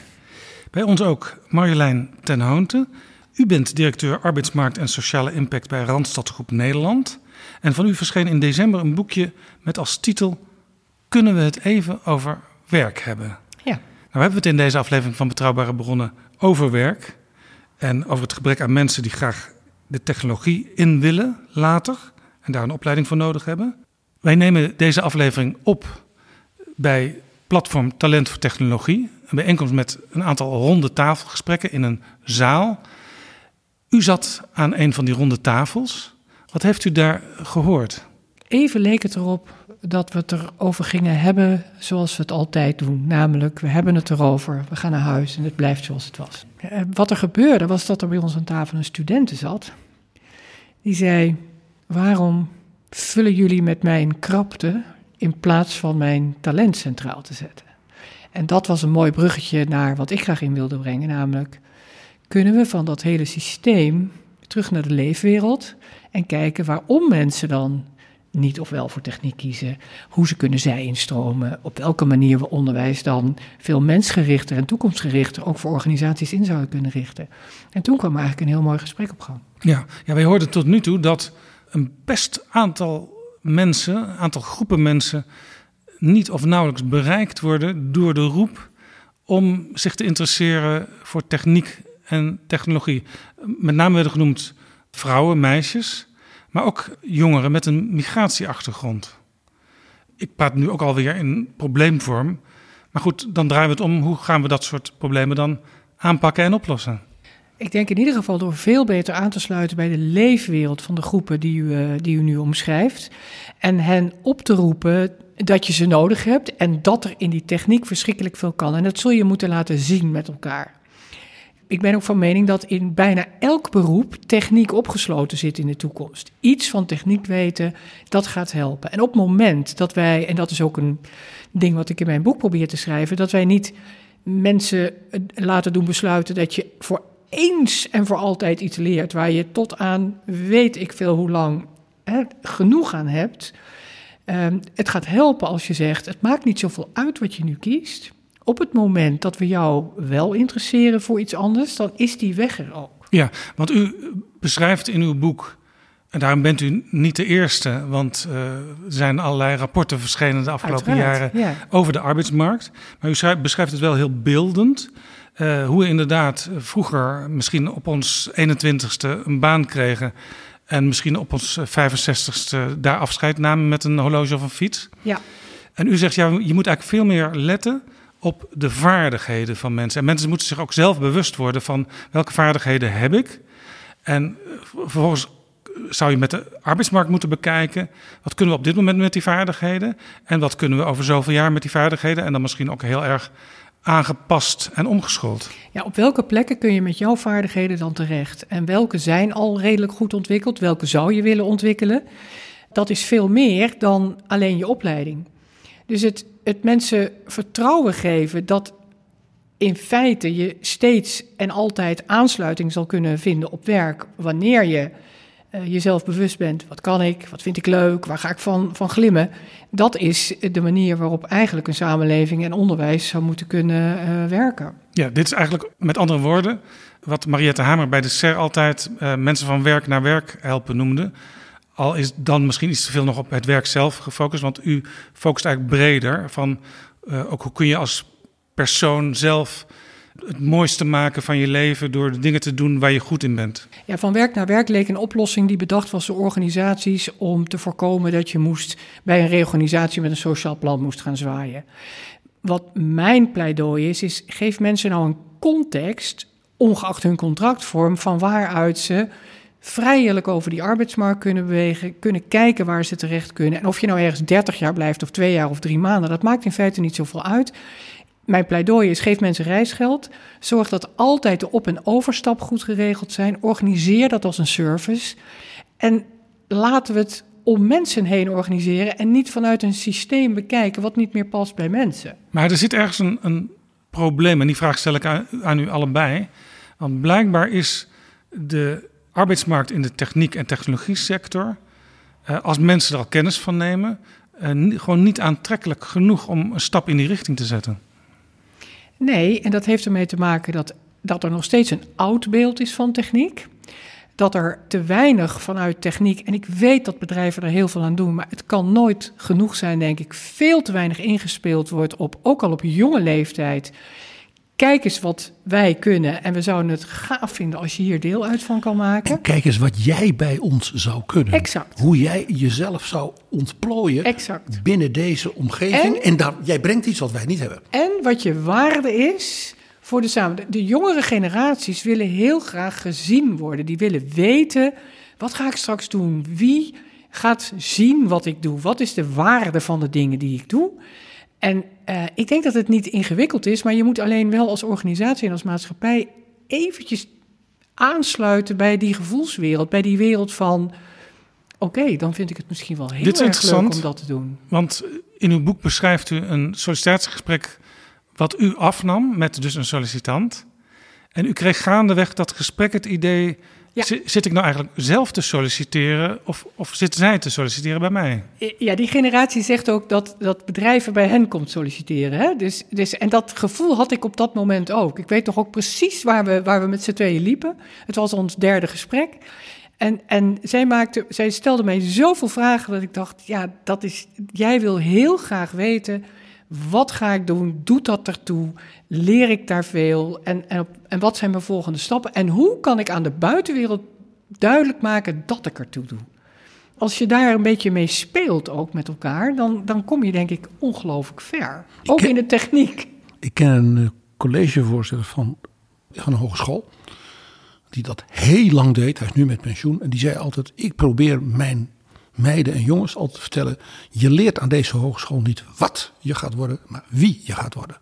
Ik denk niet dat we moeten onderschatten wat een school nog meer doet dan alleen je de, hè, de theorie bijbrengen. Dat, dat, daar moet, dat moeten we niet onderschatten. En ik vind ook dat we dat heel hoog moeten houden en dat we er ook heel zuinig op moeten zijn uh, uh, in ons land en in de wereld. En op Bruins, op dit moment als er 133 vacatures zijn, dan staan daar 100 werkzoekenden tegenover. Dat geeft dus het beeld voor veel jongeren, denk ik. Ik kom toch wel aan de bak. Het maakt niet zoveel uit uh, wat ik studeer. Ja, en daar maak ik me wel zorgen over. Want het is in die zin een hele luxe tijd voor jonge mensen. En uh, dat betekent ook dat we in een tijd zitten waar je inderdaad, wanneer de school jou algemene vaardigheden aanleert. Je kan jezelf goed presenteren, je kan goed nadenken. Uh, je, je, je, je kan contact met mensen maken, je hebt empathisch vermogen. Dan is er altijd wel een baan voor je. Maar als we weer in een economische dip komen en de arbeidsmarkt zou omdraaien, en je hebt alleen maar mensen die algemene vaardigheden hebben, die kunnen samenwerken en observeren en uh, presenteren en een werkstuk maken. Evalueren. Evalueren, ja, zelfreflectie. Um, dan vrees ik dat dat toch de, dat is de eerste generatie werklozen. En dan kom je dus, als je dan kijkt naar technici, je kan niet zomaar de techniek in. We hebben dit gezien dan, tussen 2000 en 2010. De groenpluk in zowel het MBO als het HBO van alle mogelijke bedrijven. Hm? Nee, maar dat diploma. Je hebt nou dat derdejaars stage bij ons gedaan. Je was hartstikke goed. Je blijft gewoon hier. Dat diploma haal je nog wel. En toen kwam de kredietcrisis. En toen hadden we dus reeksen uitstekende mensen, technici. Maar die zeiden: Ja, ik heb dat diploma niet. En die stonden dus allemaal op straat. We hebben heel veel mensen nodig op allerlei plekken in de arbeidsmarkt. En die algemene vaardigheden die zijn goed en die zijn nodig. Um, toch denk ik dat je zekerder in je schoenen staat als je als een deel van je opleiding ook is dat je vaardigheden hebt geleerd die niet iedereen heeft. Die jou onderscheiden van, van anderen. En techniek is wel een heel mooi vak waar je je mee kunt onderscheiden. En ik, ik zie weinig uh, uh, elektrotechnici die onzeker zijn over. Uh, kan, ik, kan ik over tien jaar ook nog terecht in de samenleving? Maar de, de, de, de grote cohorten van jonge mensen die alleen algemene vaardigheden leren, ik heb er niet op gestudeerd en ik, uh, ik, ik, ben er ook geen expert in, maar ik heb het gevoel dat dat, dat kan ook fout gaan als de economie de andere kant op draait. Maar ik denk dat mijn buurvrouw daar meer van weet en meer over kan zeggen. Ik denk ook dat je moet voorkomen dat die, dat die elektrotechnicus de elektrotechniek achter zich laat. Hè? Dus dat je als sector enorm goed in de gaten moet houden. Vinden deze mensen het goed hier, fijn hier? Ontwikkelen ze zich? Ook na tien jaar. Ook na tien jaar. Dat vind ik spannend, hè, want dat is de techniek niet zo gewend. Het is een beetje Doe maar gewoon, dan doe je wel gek genoeg uh, sector ja, misschien wel. Er komt een ander apparaat en dan leer je dat andere apparaat en dan kunnen we weer verder. Dat is het. En, en het is een hele mannelijke wereld. Dus nou ja, een beetje over... Ik twijfel of ik dit of dat... dat ik denk dat daar meer aandacht uh, aan besteed mag worden. We hebben natuurlijk ook echt arbeidsbesparende technologie nodig. Dus je zult met elkaar mensen nodig hebben die die technologie dan ook gaan verzinnen. Ja, dat, dat, dat noteer ik even. Dus een, een deel van de oplossing voor het probleem dat er uiteindelijk te weinig mensen op de arbeidsmarkt zijn, komt uit automatisering, dus robots die het werk kunnen overnemen. Allerlei, allerlei automatisering, niet alleen robots. En het, het andere wat ik belangrijk vind om te zeggen is dat je hebt in de gaten te houden dat de aard van het werk ook nog verandert. Dus die generalistische vaardigheden samen met die technische vaardigheden, dat maken natuurlijk de vakmensen van de toekomst. Dus er is veel te zeggen over, ja, je moet iets heel goed kunnen, maar tegelijkertijd, en dat heb ik ook in mijn boekje aangehaald, proactief loopbaangedrag, kun je mensen leren om beter over een hele loopbaan na te denken dan in het hier en nu. Dat gaat wel helpen om na te denken over, ik ben nu elektrotechnicus, ik zou dat en dat bij kunnen leren, dan kan ik dat. Of ik heb een hele andere loopbaanwens. Maar dat is best lastig, hè? want eh, we hadden eerder aan tafel Mijnke van Oene. Zij kwam uit een uh, ondernemersfamilie. En ze had eigenlijk niet het idee dat techniek interessant kon zijn. Op een gegeven moment kwam ze daar wel achter. En ze was niet zo goed in wiskunde. En dat is een fascinerend obstakelverhaal. Mensen denken dat techniek, technologie wiskunde is. En, en als je daar niet zo goed in bent, moet je dat maar niet doen. En u zelf uh, ging rechten studeren. Ja. Maar eigenlijk min of meer per ongeluk. Nou, ik had een wiskundeleraar die tegen mij zei: Ga jij maar bij de deur zitten, want meisjes zijn niet goed in wiskunde. Alsjeblieft. En toen, en achteraf. Toen kreeg u een baan als intercedent. En toen dacht u: hé, hey, dit is wel een interessant bedrijf. Nou, het grappige is dat, dat ik ben rechten gaan studeren omdat ik dacht dat ik uh, uh, iets, iets, kinderrechter wilde worden. Maar gaandeweg mijn studie dacht ik, man, je zult toch je hele leven met die ellende en met die, met, met, met alsmaar conflict. Depri. Nou ja, depri, maar ik, ik vond dat heel erg ingewikkeld. Als je daar toen mee bij je universiteit kwam, dat, dat, dat, dat bestond niet. Hè? Dus je maakte gewoon je studie af en dan ging je verder kijken. En ik had mijn oog laten vallen op een paar blauwe logo's in Nederland. Want daar, ik wist, daar werkten veel vrouwen. En ik ben een mens met ambitie. Dus dan komt het op zich goed met je, dacht ik. En dat is Randstad geworden. En ik dacht dat ik dat voor een jaar ging doen. En bij Randstad doen we iets heel bijzonders. Wij brengen mens en talent bij elkaar. En daar heb ik ongelooflijk veel lol in gekregen. En gezien hoe belangrijk werk in een mensenleven ja, Eigenlijk doet u waar wij het nu al de hele tijd over hebben, zonder, zonder dat we dat beseften. Uh, want u brengt mens en talent bij elkaar. Alleen, Werk en talent, ja. Uh, Organisaties en talent. Ja, ja, alleen die mensen die hebben vaak al een opleiding achter de rug. En we praten nu vooral ook over uh, jongeren die nog een opleiding gaan doen of aan een opleiding bezig zijn. En misschien wel op een ander spoor willen, maar nog niet precies weten waar dan naartoe. Ja, en mijn, mijn pleidooi is, en dat heb ik ook gezien in een heel groot stageprogramma wat wij op VMBO-scholen uh, deden, was dat als je bij de leefwereld van de jongeren begint, dat je dan veel beter aansluiting vindt op wat zou je dan willen doen. En dan, dan denken ze vaak niet meteen aan techniek, maar loop je een gemiddelde MBO of een VMBO-school uh, binnen, dan gaat het over scooters, het gaat over, over computers, het gaat over van alles.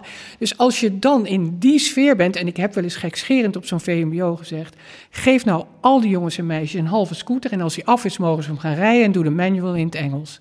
Twee vliegen in één klap kunnen we zo met techniek en techniekonderwijs uh, omgaan. Want ook ik ben een dochter van een werktuigbouwkundige en ik kan beter een kippenhok bouwen dan uh, mijn man. Hè? Dus het, het, het komt ook doordat het in je omgeving is. En als dat niet in je omgeving zit, dan moet je die omgeving maar naar, naar, dat talent brengen. Ja, dan moet je gaan kijken of je, het, of je het zo met elkaar kan verbinden langs wat is nou jouw interesse en hoe zouden we dat voor jou kunnen ontvouwen. Dus en moet, dat, moet, dat ook, moet, dat ook, de kern zijn van dus dat leven lang ontwikkelen? Dat je dat, niet één keer doet, maar dat je dat niet alleen met 16 doet, maar ook met 28. Natuurlijk. En, en ik hoop ook niveauloos. want op enig moment kan ik misschien wel waardevolle coupeuse worden, omdat ik al mijn hele leven achter een naaimachine zitten heerlijk vind. Ik noem maar wat. Hè? Laten we ophouden met hoog-laag en, en laten we proberen aan te geven wie in de keten wat doet en dat waarderen. En ik denk dat het niet makkelijk is om dat talent naar de techniek toe te brengen, omdat techniek steeds onzichtbaarder is geworden. Het zit tegenwoordig in zo'n heel klein doosje, wat wij allemaal voortdurend in onze handen hebben en voor onze neus houden. We beseffen het niet, maar eigenlijk zijn we er dus voortdurend mee bezig. We zijn voortdurend bezig met techniek, ja, ja. Maar je kan het niet meer openschroeven. Uh, en, uh, en, en ik hoop dat we techniek ook weer wat zichtbaarder kunnen krijgen. Maar daar moet je wel wat, wel wat voor doen, ook op scholen. Er is veel over te doen, hè? over dat openschroeven overigens. Want ik, ik, de, de, historicus in mij, ja. de historicus in mij wordt nu helemaal warm.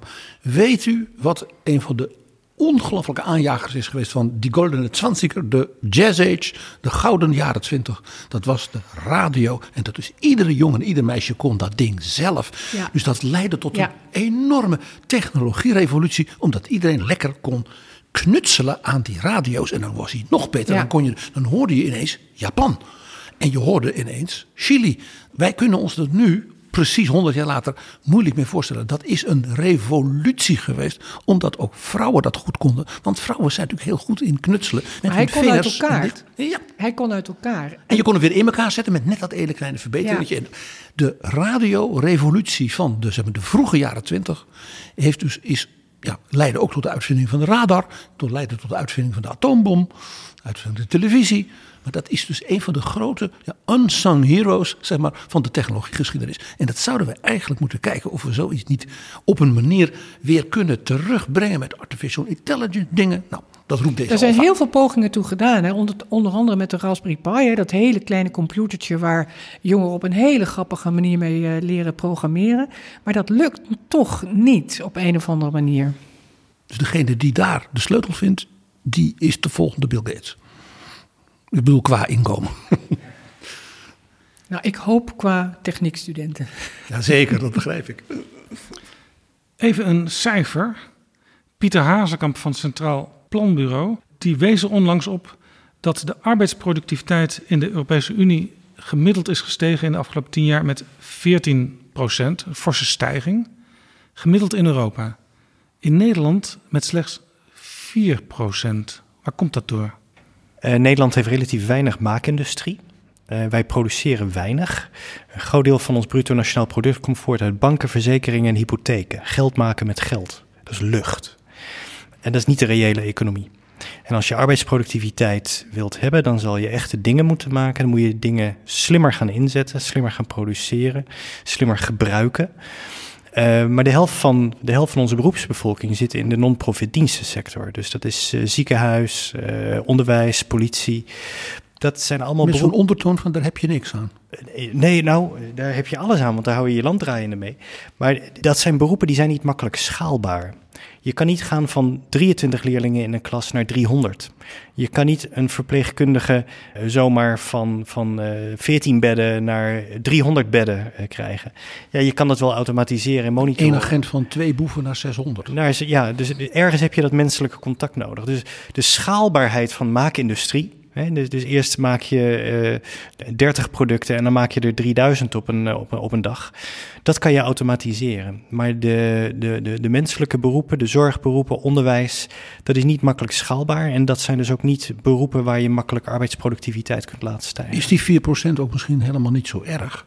Want die 14% in Europa, die snap ik wel. Dat komt door Slowakije, dat komt door de Balten, dat komt door Polen. En dat is maar goed ook. Dus die gemiddelde 14 komt doordat er landen zijn met zijn nu- 25. er zijn nu wetenschappers die heel erg eh, waarschuwen inderdaad voor... probeer nou niet overal ten generale die productiviteit omhoog te brengen... maar kijk goed waar dat nog kan. Je moet je natuurlijk ook afvragen, welke productiviteit vinden wij belangrijk voor een samenleving? Ja, want wij, wij moeten niet de massaproductie eh, terug gaan importeren. Wij moeten vooral hele slimme producten maken. Ja, dus praten over de maakindustrie waarbij de indruk wordt gewekt alsof Nederland als ware ook Volkswagens moet gaan bouwen. Dat moeten we vooral niet doen. De maakindustrie is voor mij high-tech. Eh, dat, dat is small volume, high complexity. Gemaakt op de wensen van de, van de klant. En morgen is het klaar. Heel, heel slim en snel kunnen produceren. eh, van hele intelligente producten. Die anderen niet kunnen maken. Ik bedoel, de machines van ASML eh, zijn daar natuurlijk het voorbeeld van. Daar hoef je maar een paar bedrijven van te hebben. En je hebt een bloeiende economie in dit land. De Duitse auto-industrie, waar ik Beetje vroeger werk, veel contact ja, ja, mee zeker. Je hebt er meer Beetje nodig. Ja. Ja, de, de Duitse auto-industrie, die auto-industrie in Stuttgart en München en zo, die zeiden allemaal ja, maar in 23% van de bijzondere sturende apparaten in onze auto komt uit Nederland. En dan zeiden ze, daar hoor je nooit over, het is de Duitse auto-industrie, Audi's en BMW's. Maar zij weten wat Eppo Bruins hier net zei. Ja, inderdaad, die, die, die, die keten. Als je een, een hele complexe eh, machine wilt bouwen, dan zit er een enorm toeleverketen eh, eh, aan vooraf natuurlijk. Waar vooral MBO'ers, HBO'ers nodig zijn, waar een vreselijk tekort aan is. Alleen al in de regio Eindhoven 60.000 technici tekort. Het is een hele stad. Dat is een, ja, zeker. Ik hoorde onlangs eh, Karen van Oudenhoven, directeur van het Sociaal Cultureel Planbureau, zeggen dat de overheid moet bepalen voor welke beroepen we ons geen personeelstekort kunnen veroorloven in de nabije toekomst. Nou hebben we natuurlijk geen planeconomie, maar toch, zij zegt een aantal beroepen, en dat hoor ik u eigenlijk ook een beetje zeggen, is niet essentieel. Hoe gaan we dan die vraag die steeds meer ontstaat eh, en het aanbod in balans met elkaar brengen? De politiek durft niet te kiezen. De politiek durft geen uitspraak te doen. Als een, als een Tweede Kamerlid zegt, eh, deze en deze beroepen zijn niet essentieel, dan krijgt hij zo de wind van voren op Twitter. Dan, dat is, dat Omdat is- dan heel veel mensen zich persoonlijk gekwetst ja, voelen. ja. Kijk, ik, de, de, Je legt het ook niet uit, denk ik dan. Hè? nee, nee. Kijk, de, het, ehm, Ja, wat Er- is essentieel en wat is niet essentieel? Die discussie moet je er, voeren. zijn, er zijn massastudies waar, waar veel jonge mensen voor kiezen, waarvan je je kunt afvragen, komen die jonge mensen wel echt op de plek terecht waar hun hart, eh, waar hun hart naar uitgaat? Kunt u een paar voorbeelden geven? En, Psychologie. En, en, en ik durf als onafhankelijk mens die geen baas heeft daar best een voorbeeld van te geven. Dat is inderdaad eh, psychologie, of communicatiewetenschappen, bestuurskunde. Een paar van die grote studies eh, waar, waarvan ik eh, denk dat, dat, dat een deel van die studenten ook dolgelukkig zou kunnen zijn in bijvoorbeeld meer een, een technische richting, maar dat ze er nooit aan gedacht hebben. Wat, wat ik zie is dat vaak de keuze wordt gedreven door laat ik, laat ik een brede studie kiezen, dan kan ik nog alle kanten op. En men heeft het gevoel bij techniek, Zoals rechten, zoals economie. ja, ja, en men heeft het gevoel dat zodra je techniek ingaat, ja, dan zit je al in een soort van ja, hele smalle tunnel en dan, daar kom je nooit meer uit. En dat Eh, is natuurlijk ook de schuld van de technieksector zelf. Want die presenteert en praat ook over zichzelf in die termen. Ja, Ja, ja, en, hoe- en ja. van de opleiding. Hè? Dus die dachten heel eenvormig in een bepaald profiel. Terwijl ja, je misschien op verschillende manieren met die studenten hetzelfde eindresultaat, maar meer eh, zou kunnen bereiken. Ja, en tegelijkertijd, die techniekopleidingen zijn natuurlijk soms ook best wel heel ingewikkeld. Ik weet dat in Delft hebben ze tijdens open dagen bij werktuigbouwkunde, dan hebben ze die mooie zonneauto Luna neergezet. Nou, kwamen er twee keer zoveel eerstejaars die gingen werktuigbouw doen. Alleen het grootste deel viel weer af, want ja, de eerste drie jaar ga je geen Luna bouwen.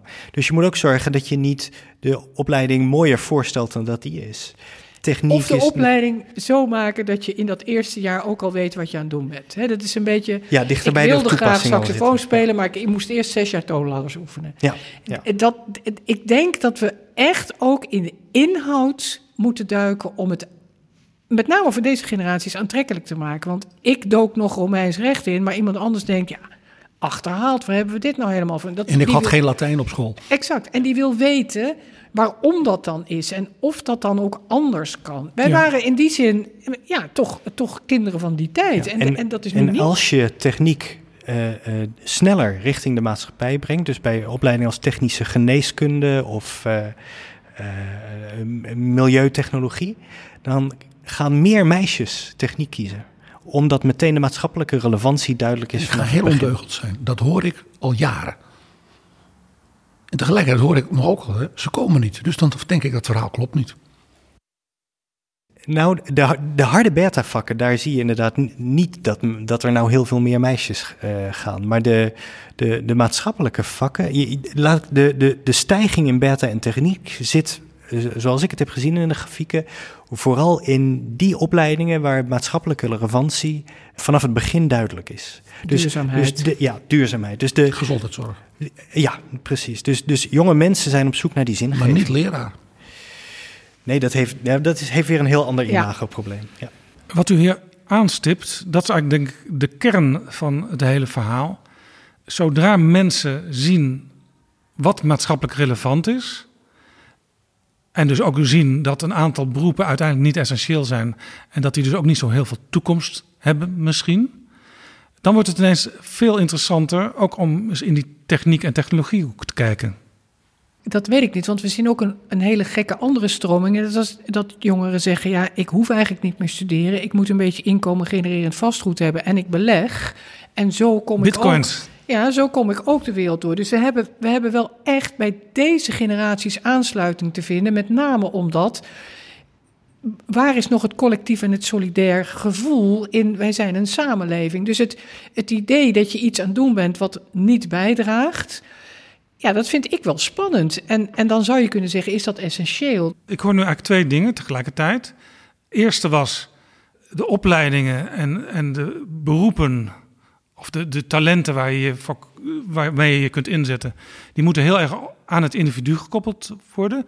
Maar tegelijkertijd moet je het individu er ook van doordringen eh, dat solidariteit nodig is om verder te komen in deze wereld. Ja, maar dat is wat volgens mij een, een goede onderwijsinstelling doet. Dat is dat driepootje waar ik het net over had. Het is niet alleen theorie. Het gaat ook over jouw persoonlijke ontwikkeling. Het gaat ook over hoe ga jij je als burger verhouden tot dat je niet alleen maar een theoretisch opgeleid mens bent. En dat we met elkaar iets van een samenleving en een wereld hebben te maken. En dat ik het bijzonder vind dat als graan schaars wordt in Oekraïne, dat iemand dan heel veel graan op gaat kopen. In plaats van te denken: joh, hoe gaan we dit nou doen? Hè, dit is misschien een te eenvoudig voorbeeld, maar dat is wel hoe verhoud je je tot we zijn met z'n allen? Ja, Eppo Bruins, eh, drie jaar geleden, toen zat u nog niet bij de Adviesraad Wetenschap, Technologie en Innovatie. Maar toen is er een rapport geschreven door die adviesraad, waarin eigenlijk gepleit wordt voor het creëren van een inspirerend toekomstbeeld, zodat de samenleving weet, nou, die kant gaan we op. We hebben natuurlijk de laatste jaren heel veel discussie over vergroening en verduurzaming, aanpakken van het klimaatprobleem, dus misschien al iets van een toekomstidee. Maar dat kan dus nogal steviger en sterker. Ja, daar, daar zie je toch wel dat we in het huidige politieke klimaat moeite hebben om te kiezen.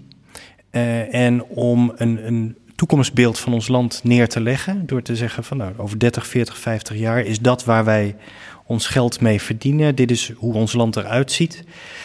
Dit is, is dat een beschrijving of een ambitie? Het is um, ik, ik, het, is een, het is een beschrijving waar de ambitie uit voortkomt, zou ik zeggen. En, nou ja, je moet ambitie hebben uh, en die dus beschrijven. Want als je doorgaat op de weg waar we nu op lopen, uh, dan lopen we vast. Dat klopt, want we moeten met, met minder grondstoffen en met louter duurzame energie volstrekt circulair met meer mensen uh, dezelfde hoeveelheid ruimte innemen. Um, en, en dat is een, een heel erg ingewikkeld probleem. En daar heb je iedereen voor nodig. En heb je ook technologie voor nodig. Um, en het, het, de afgelopen vijf, zes kabinetten laten dit vooral aan de markt over. Alles is aan de markt overgelaten. Eh, het, het, het wonen is aan de markt over. Alles heet ook markt, hè? woningmarkt, arbeidsmarkt. En het is helemaal geen markt. En um, uh, in zo'n klein, vol, dichtbevolkt land als wij, een stad staat met een stukje groen eromheen, uh, heb je regie nodig van een overheid die een toekomstbeeld heeft.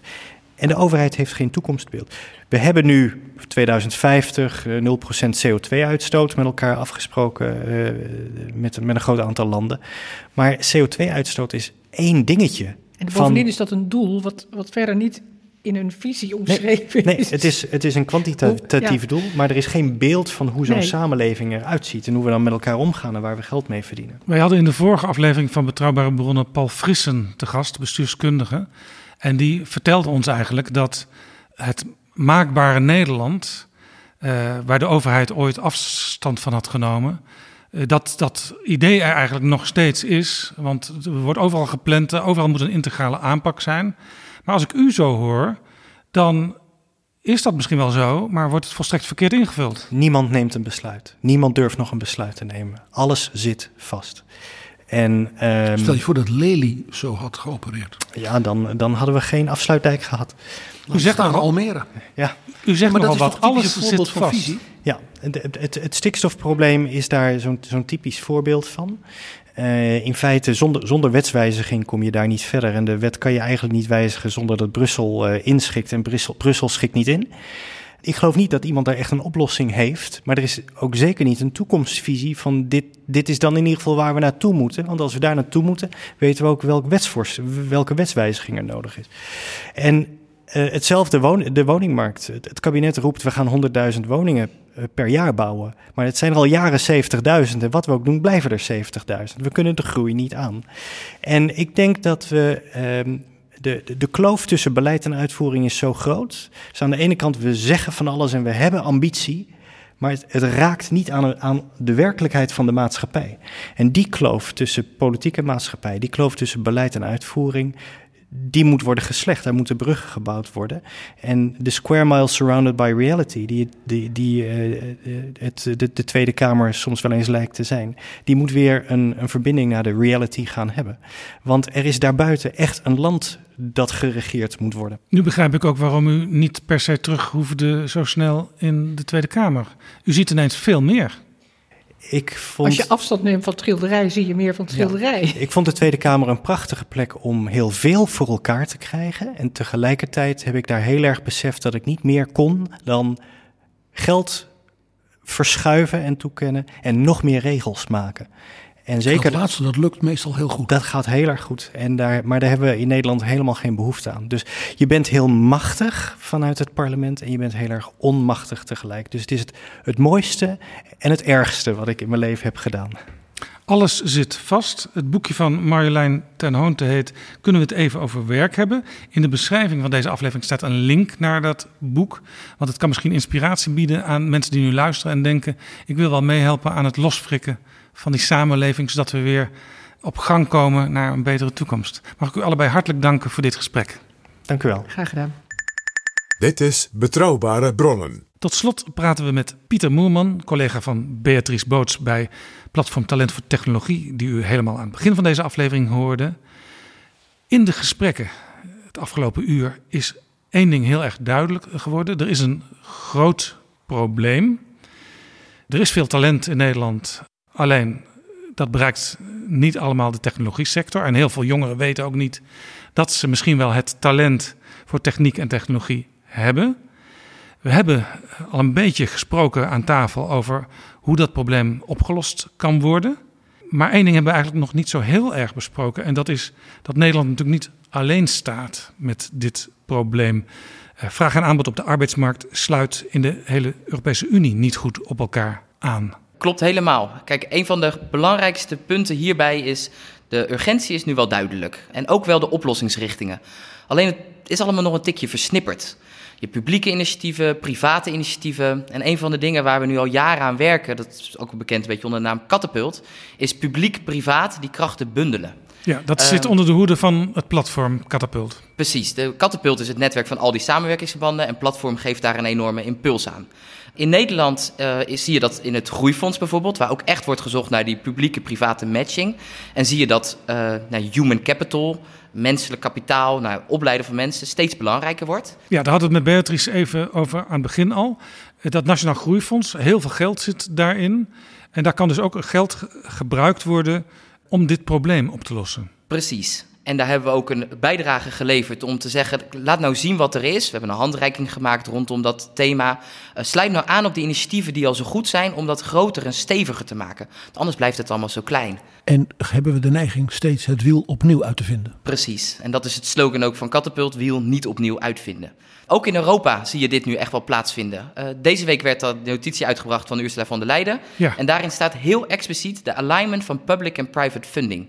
Nou, een van de belangrijkste initiatieven van de Europese Commissie is ook de zogenaamde Centers of Vocational Excellence. Dat doet een beetje denken aan die centers van Catapult in Nederland. Ze zijn er vrijwel op gebaseerd en zijn gebaseerd op het Watercampus in Leeuwarden en eh, in Baskeland. Ja, Europa wil dat dus eigenlijk in de hele Europese Unie gaan stimuleren dat er van dat soort plekken komen waarin die verschillende groepen bij elkaar worden gebracht. Het talent, de bedrijven, de opleidingen. Precies dat. En het op elkaar aansluiten van de energie die in het bedrijfsleven ligt om mensen te werven en te scholen, de energie die er bij scholen ligt om mensen voor te bereiden op de toekomst, en de energie die er zit bij de overheden, die wel degelijk zien dat er echt wat moet gebeuren op dit thema, maar ook een beetje worstelen hoe en wat.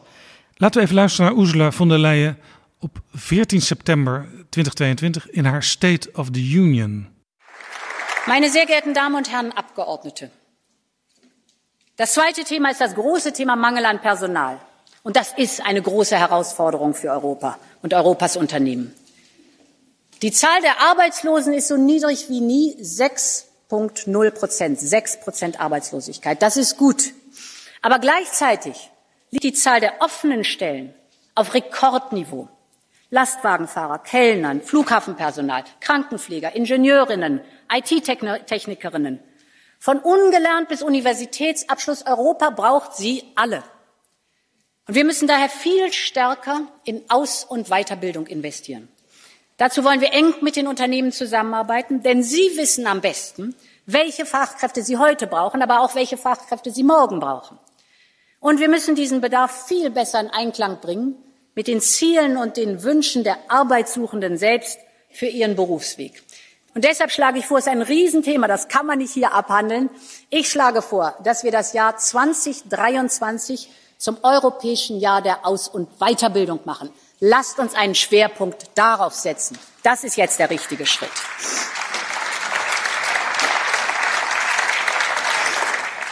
Dit lijkt me een belangrijk moment eh, voor de oplossing van het probleem. De Europese Unie, de Commissie, die heeft het jaar van de vaardigheden afgekondigd. Daar zitten we dus nu middenin, in dat jaar. En in dat plan wat afgelopen week gepresenteerd werd, de Green Deal Industrial Plan, daar staat ook heel nadrukkelijk enhancing skills in. Dus het bevorderen van vaardigheden. En het interessante is dat zat al in die speech in september, maar zit er nu nog nadrukkelijker in.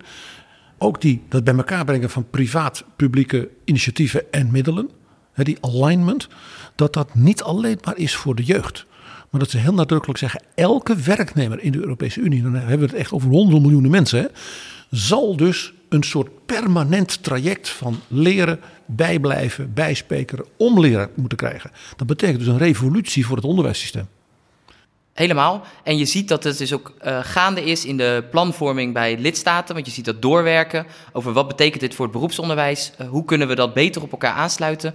Wat is de rol van leven lang ontwikkelen, dus permanent leren voor het publiek onderwijs, maar ook voor het privaat onderwijs? Want die spelen hier net zo goed een rol in.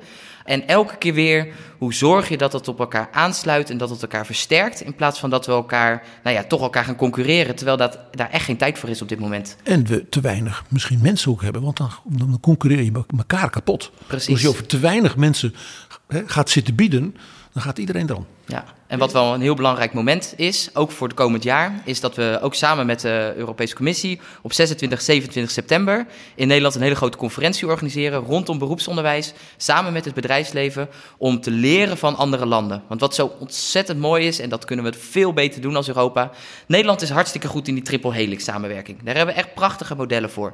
Op andere plekken, zoals in Baskeland, hebben ze, liggen ze mijlenver voor op industrie 5.0. Daar kunnen we zo ontzettend veel van leren hoe ze dat doen. In uh, Oost-Europa zijn ze veel beter in het uh, aantrekken van meisjes voor technisch talent.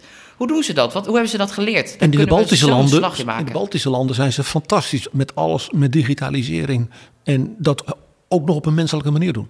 Dus dat wiel op niet, niet opnieuw uitvinden, gaan we die 25 of 26, 27 september helemaal uitlichten. Uh, de commissioner Schmid is, komt er ook bij om dat ook verder zichtbaar te maken. Nicolas Schmid, de eurocommissaris voor de arbeidsmarkt.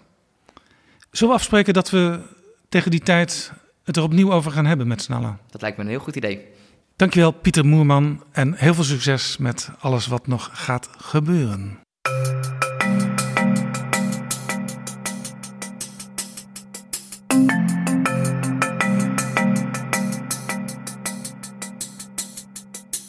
Zo, dit was Betrouwbare Bronnen, aflevering 324. Deze aflevering is mede mogelijk gemaakt door Platform Talent voor Technologie en door de vrienden van de show. Wil je ook vriend worden? En dat kan door een donatie aan ons te geven, zodat we nog veel meer mooie afleveringen kunnen maken. Ga dan naar vriendvandeshow.nl/slash bb. Tot volgende keer. Betrouwbare bronnen wordt gemaakt door Jaap Jansen in samenwerking met dag en nacht.nl.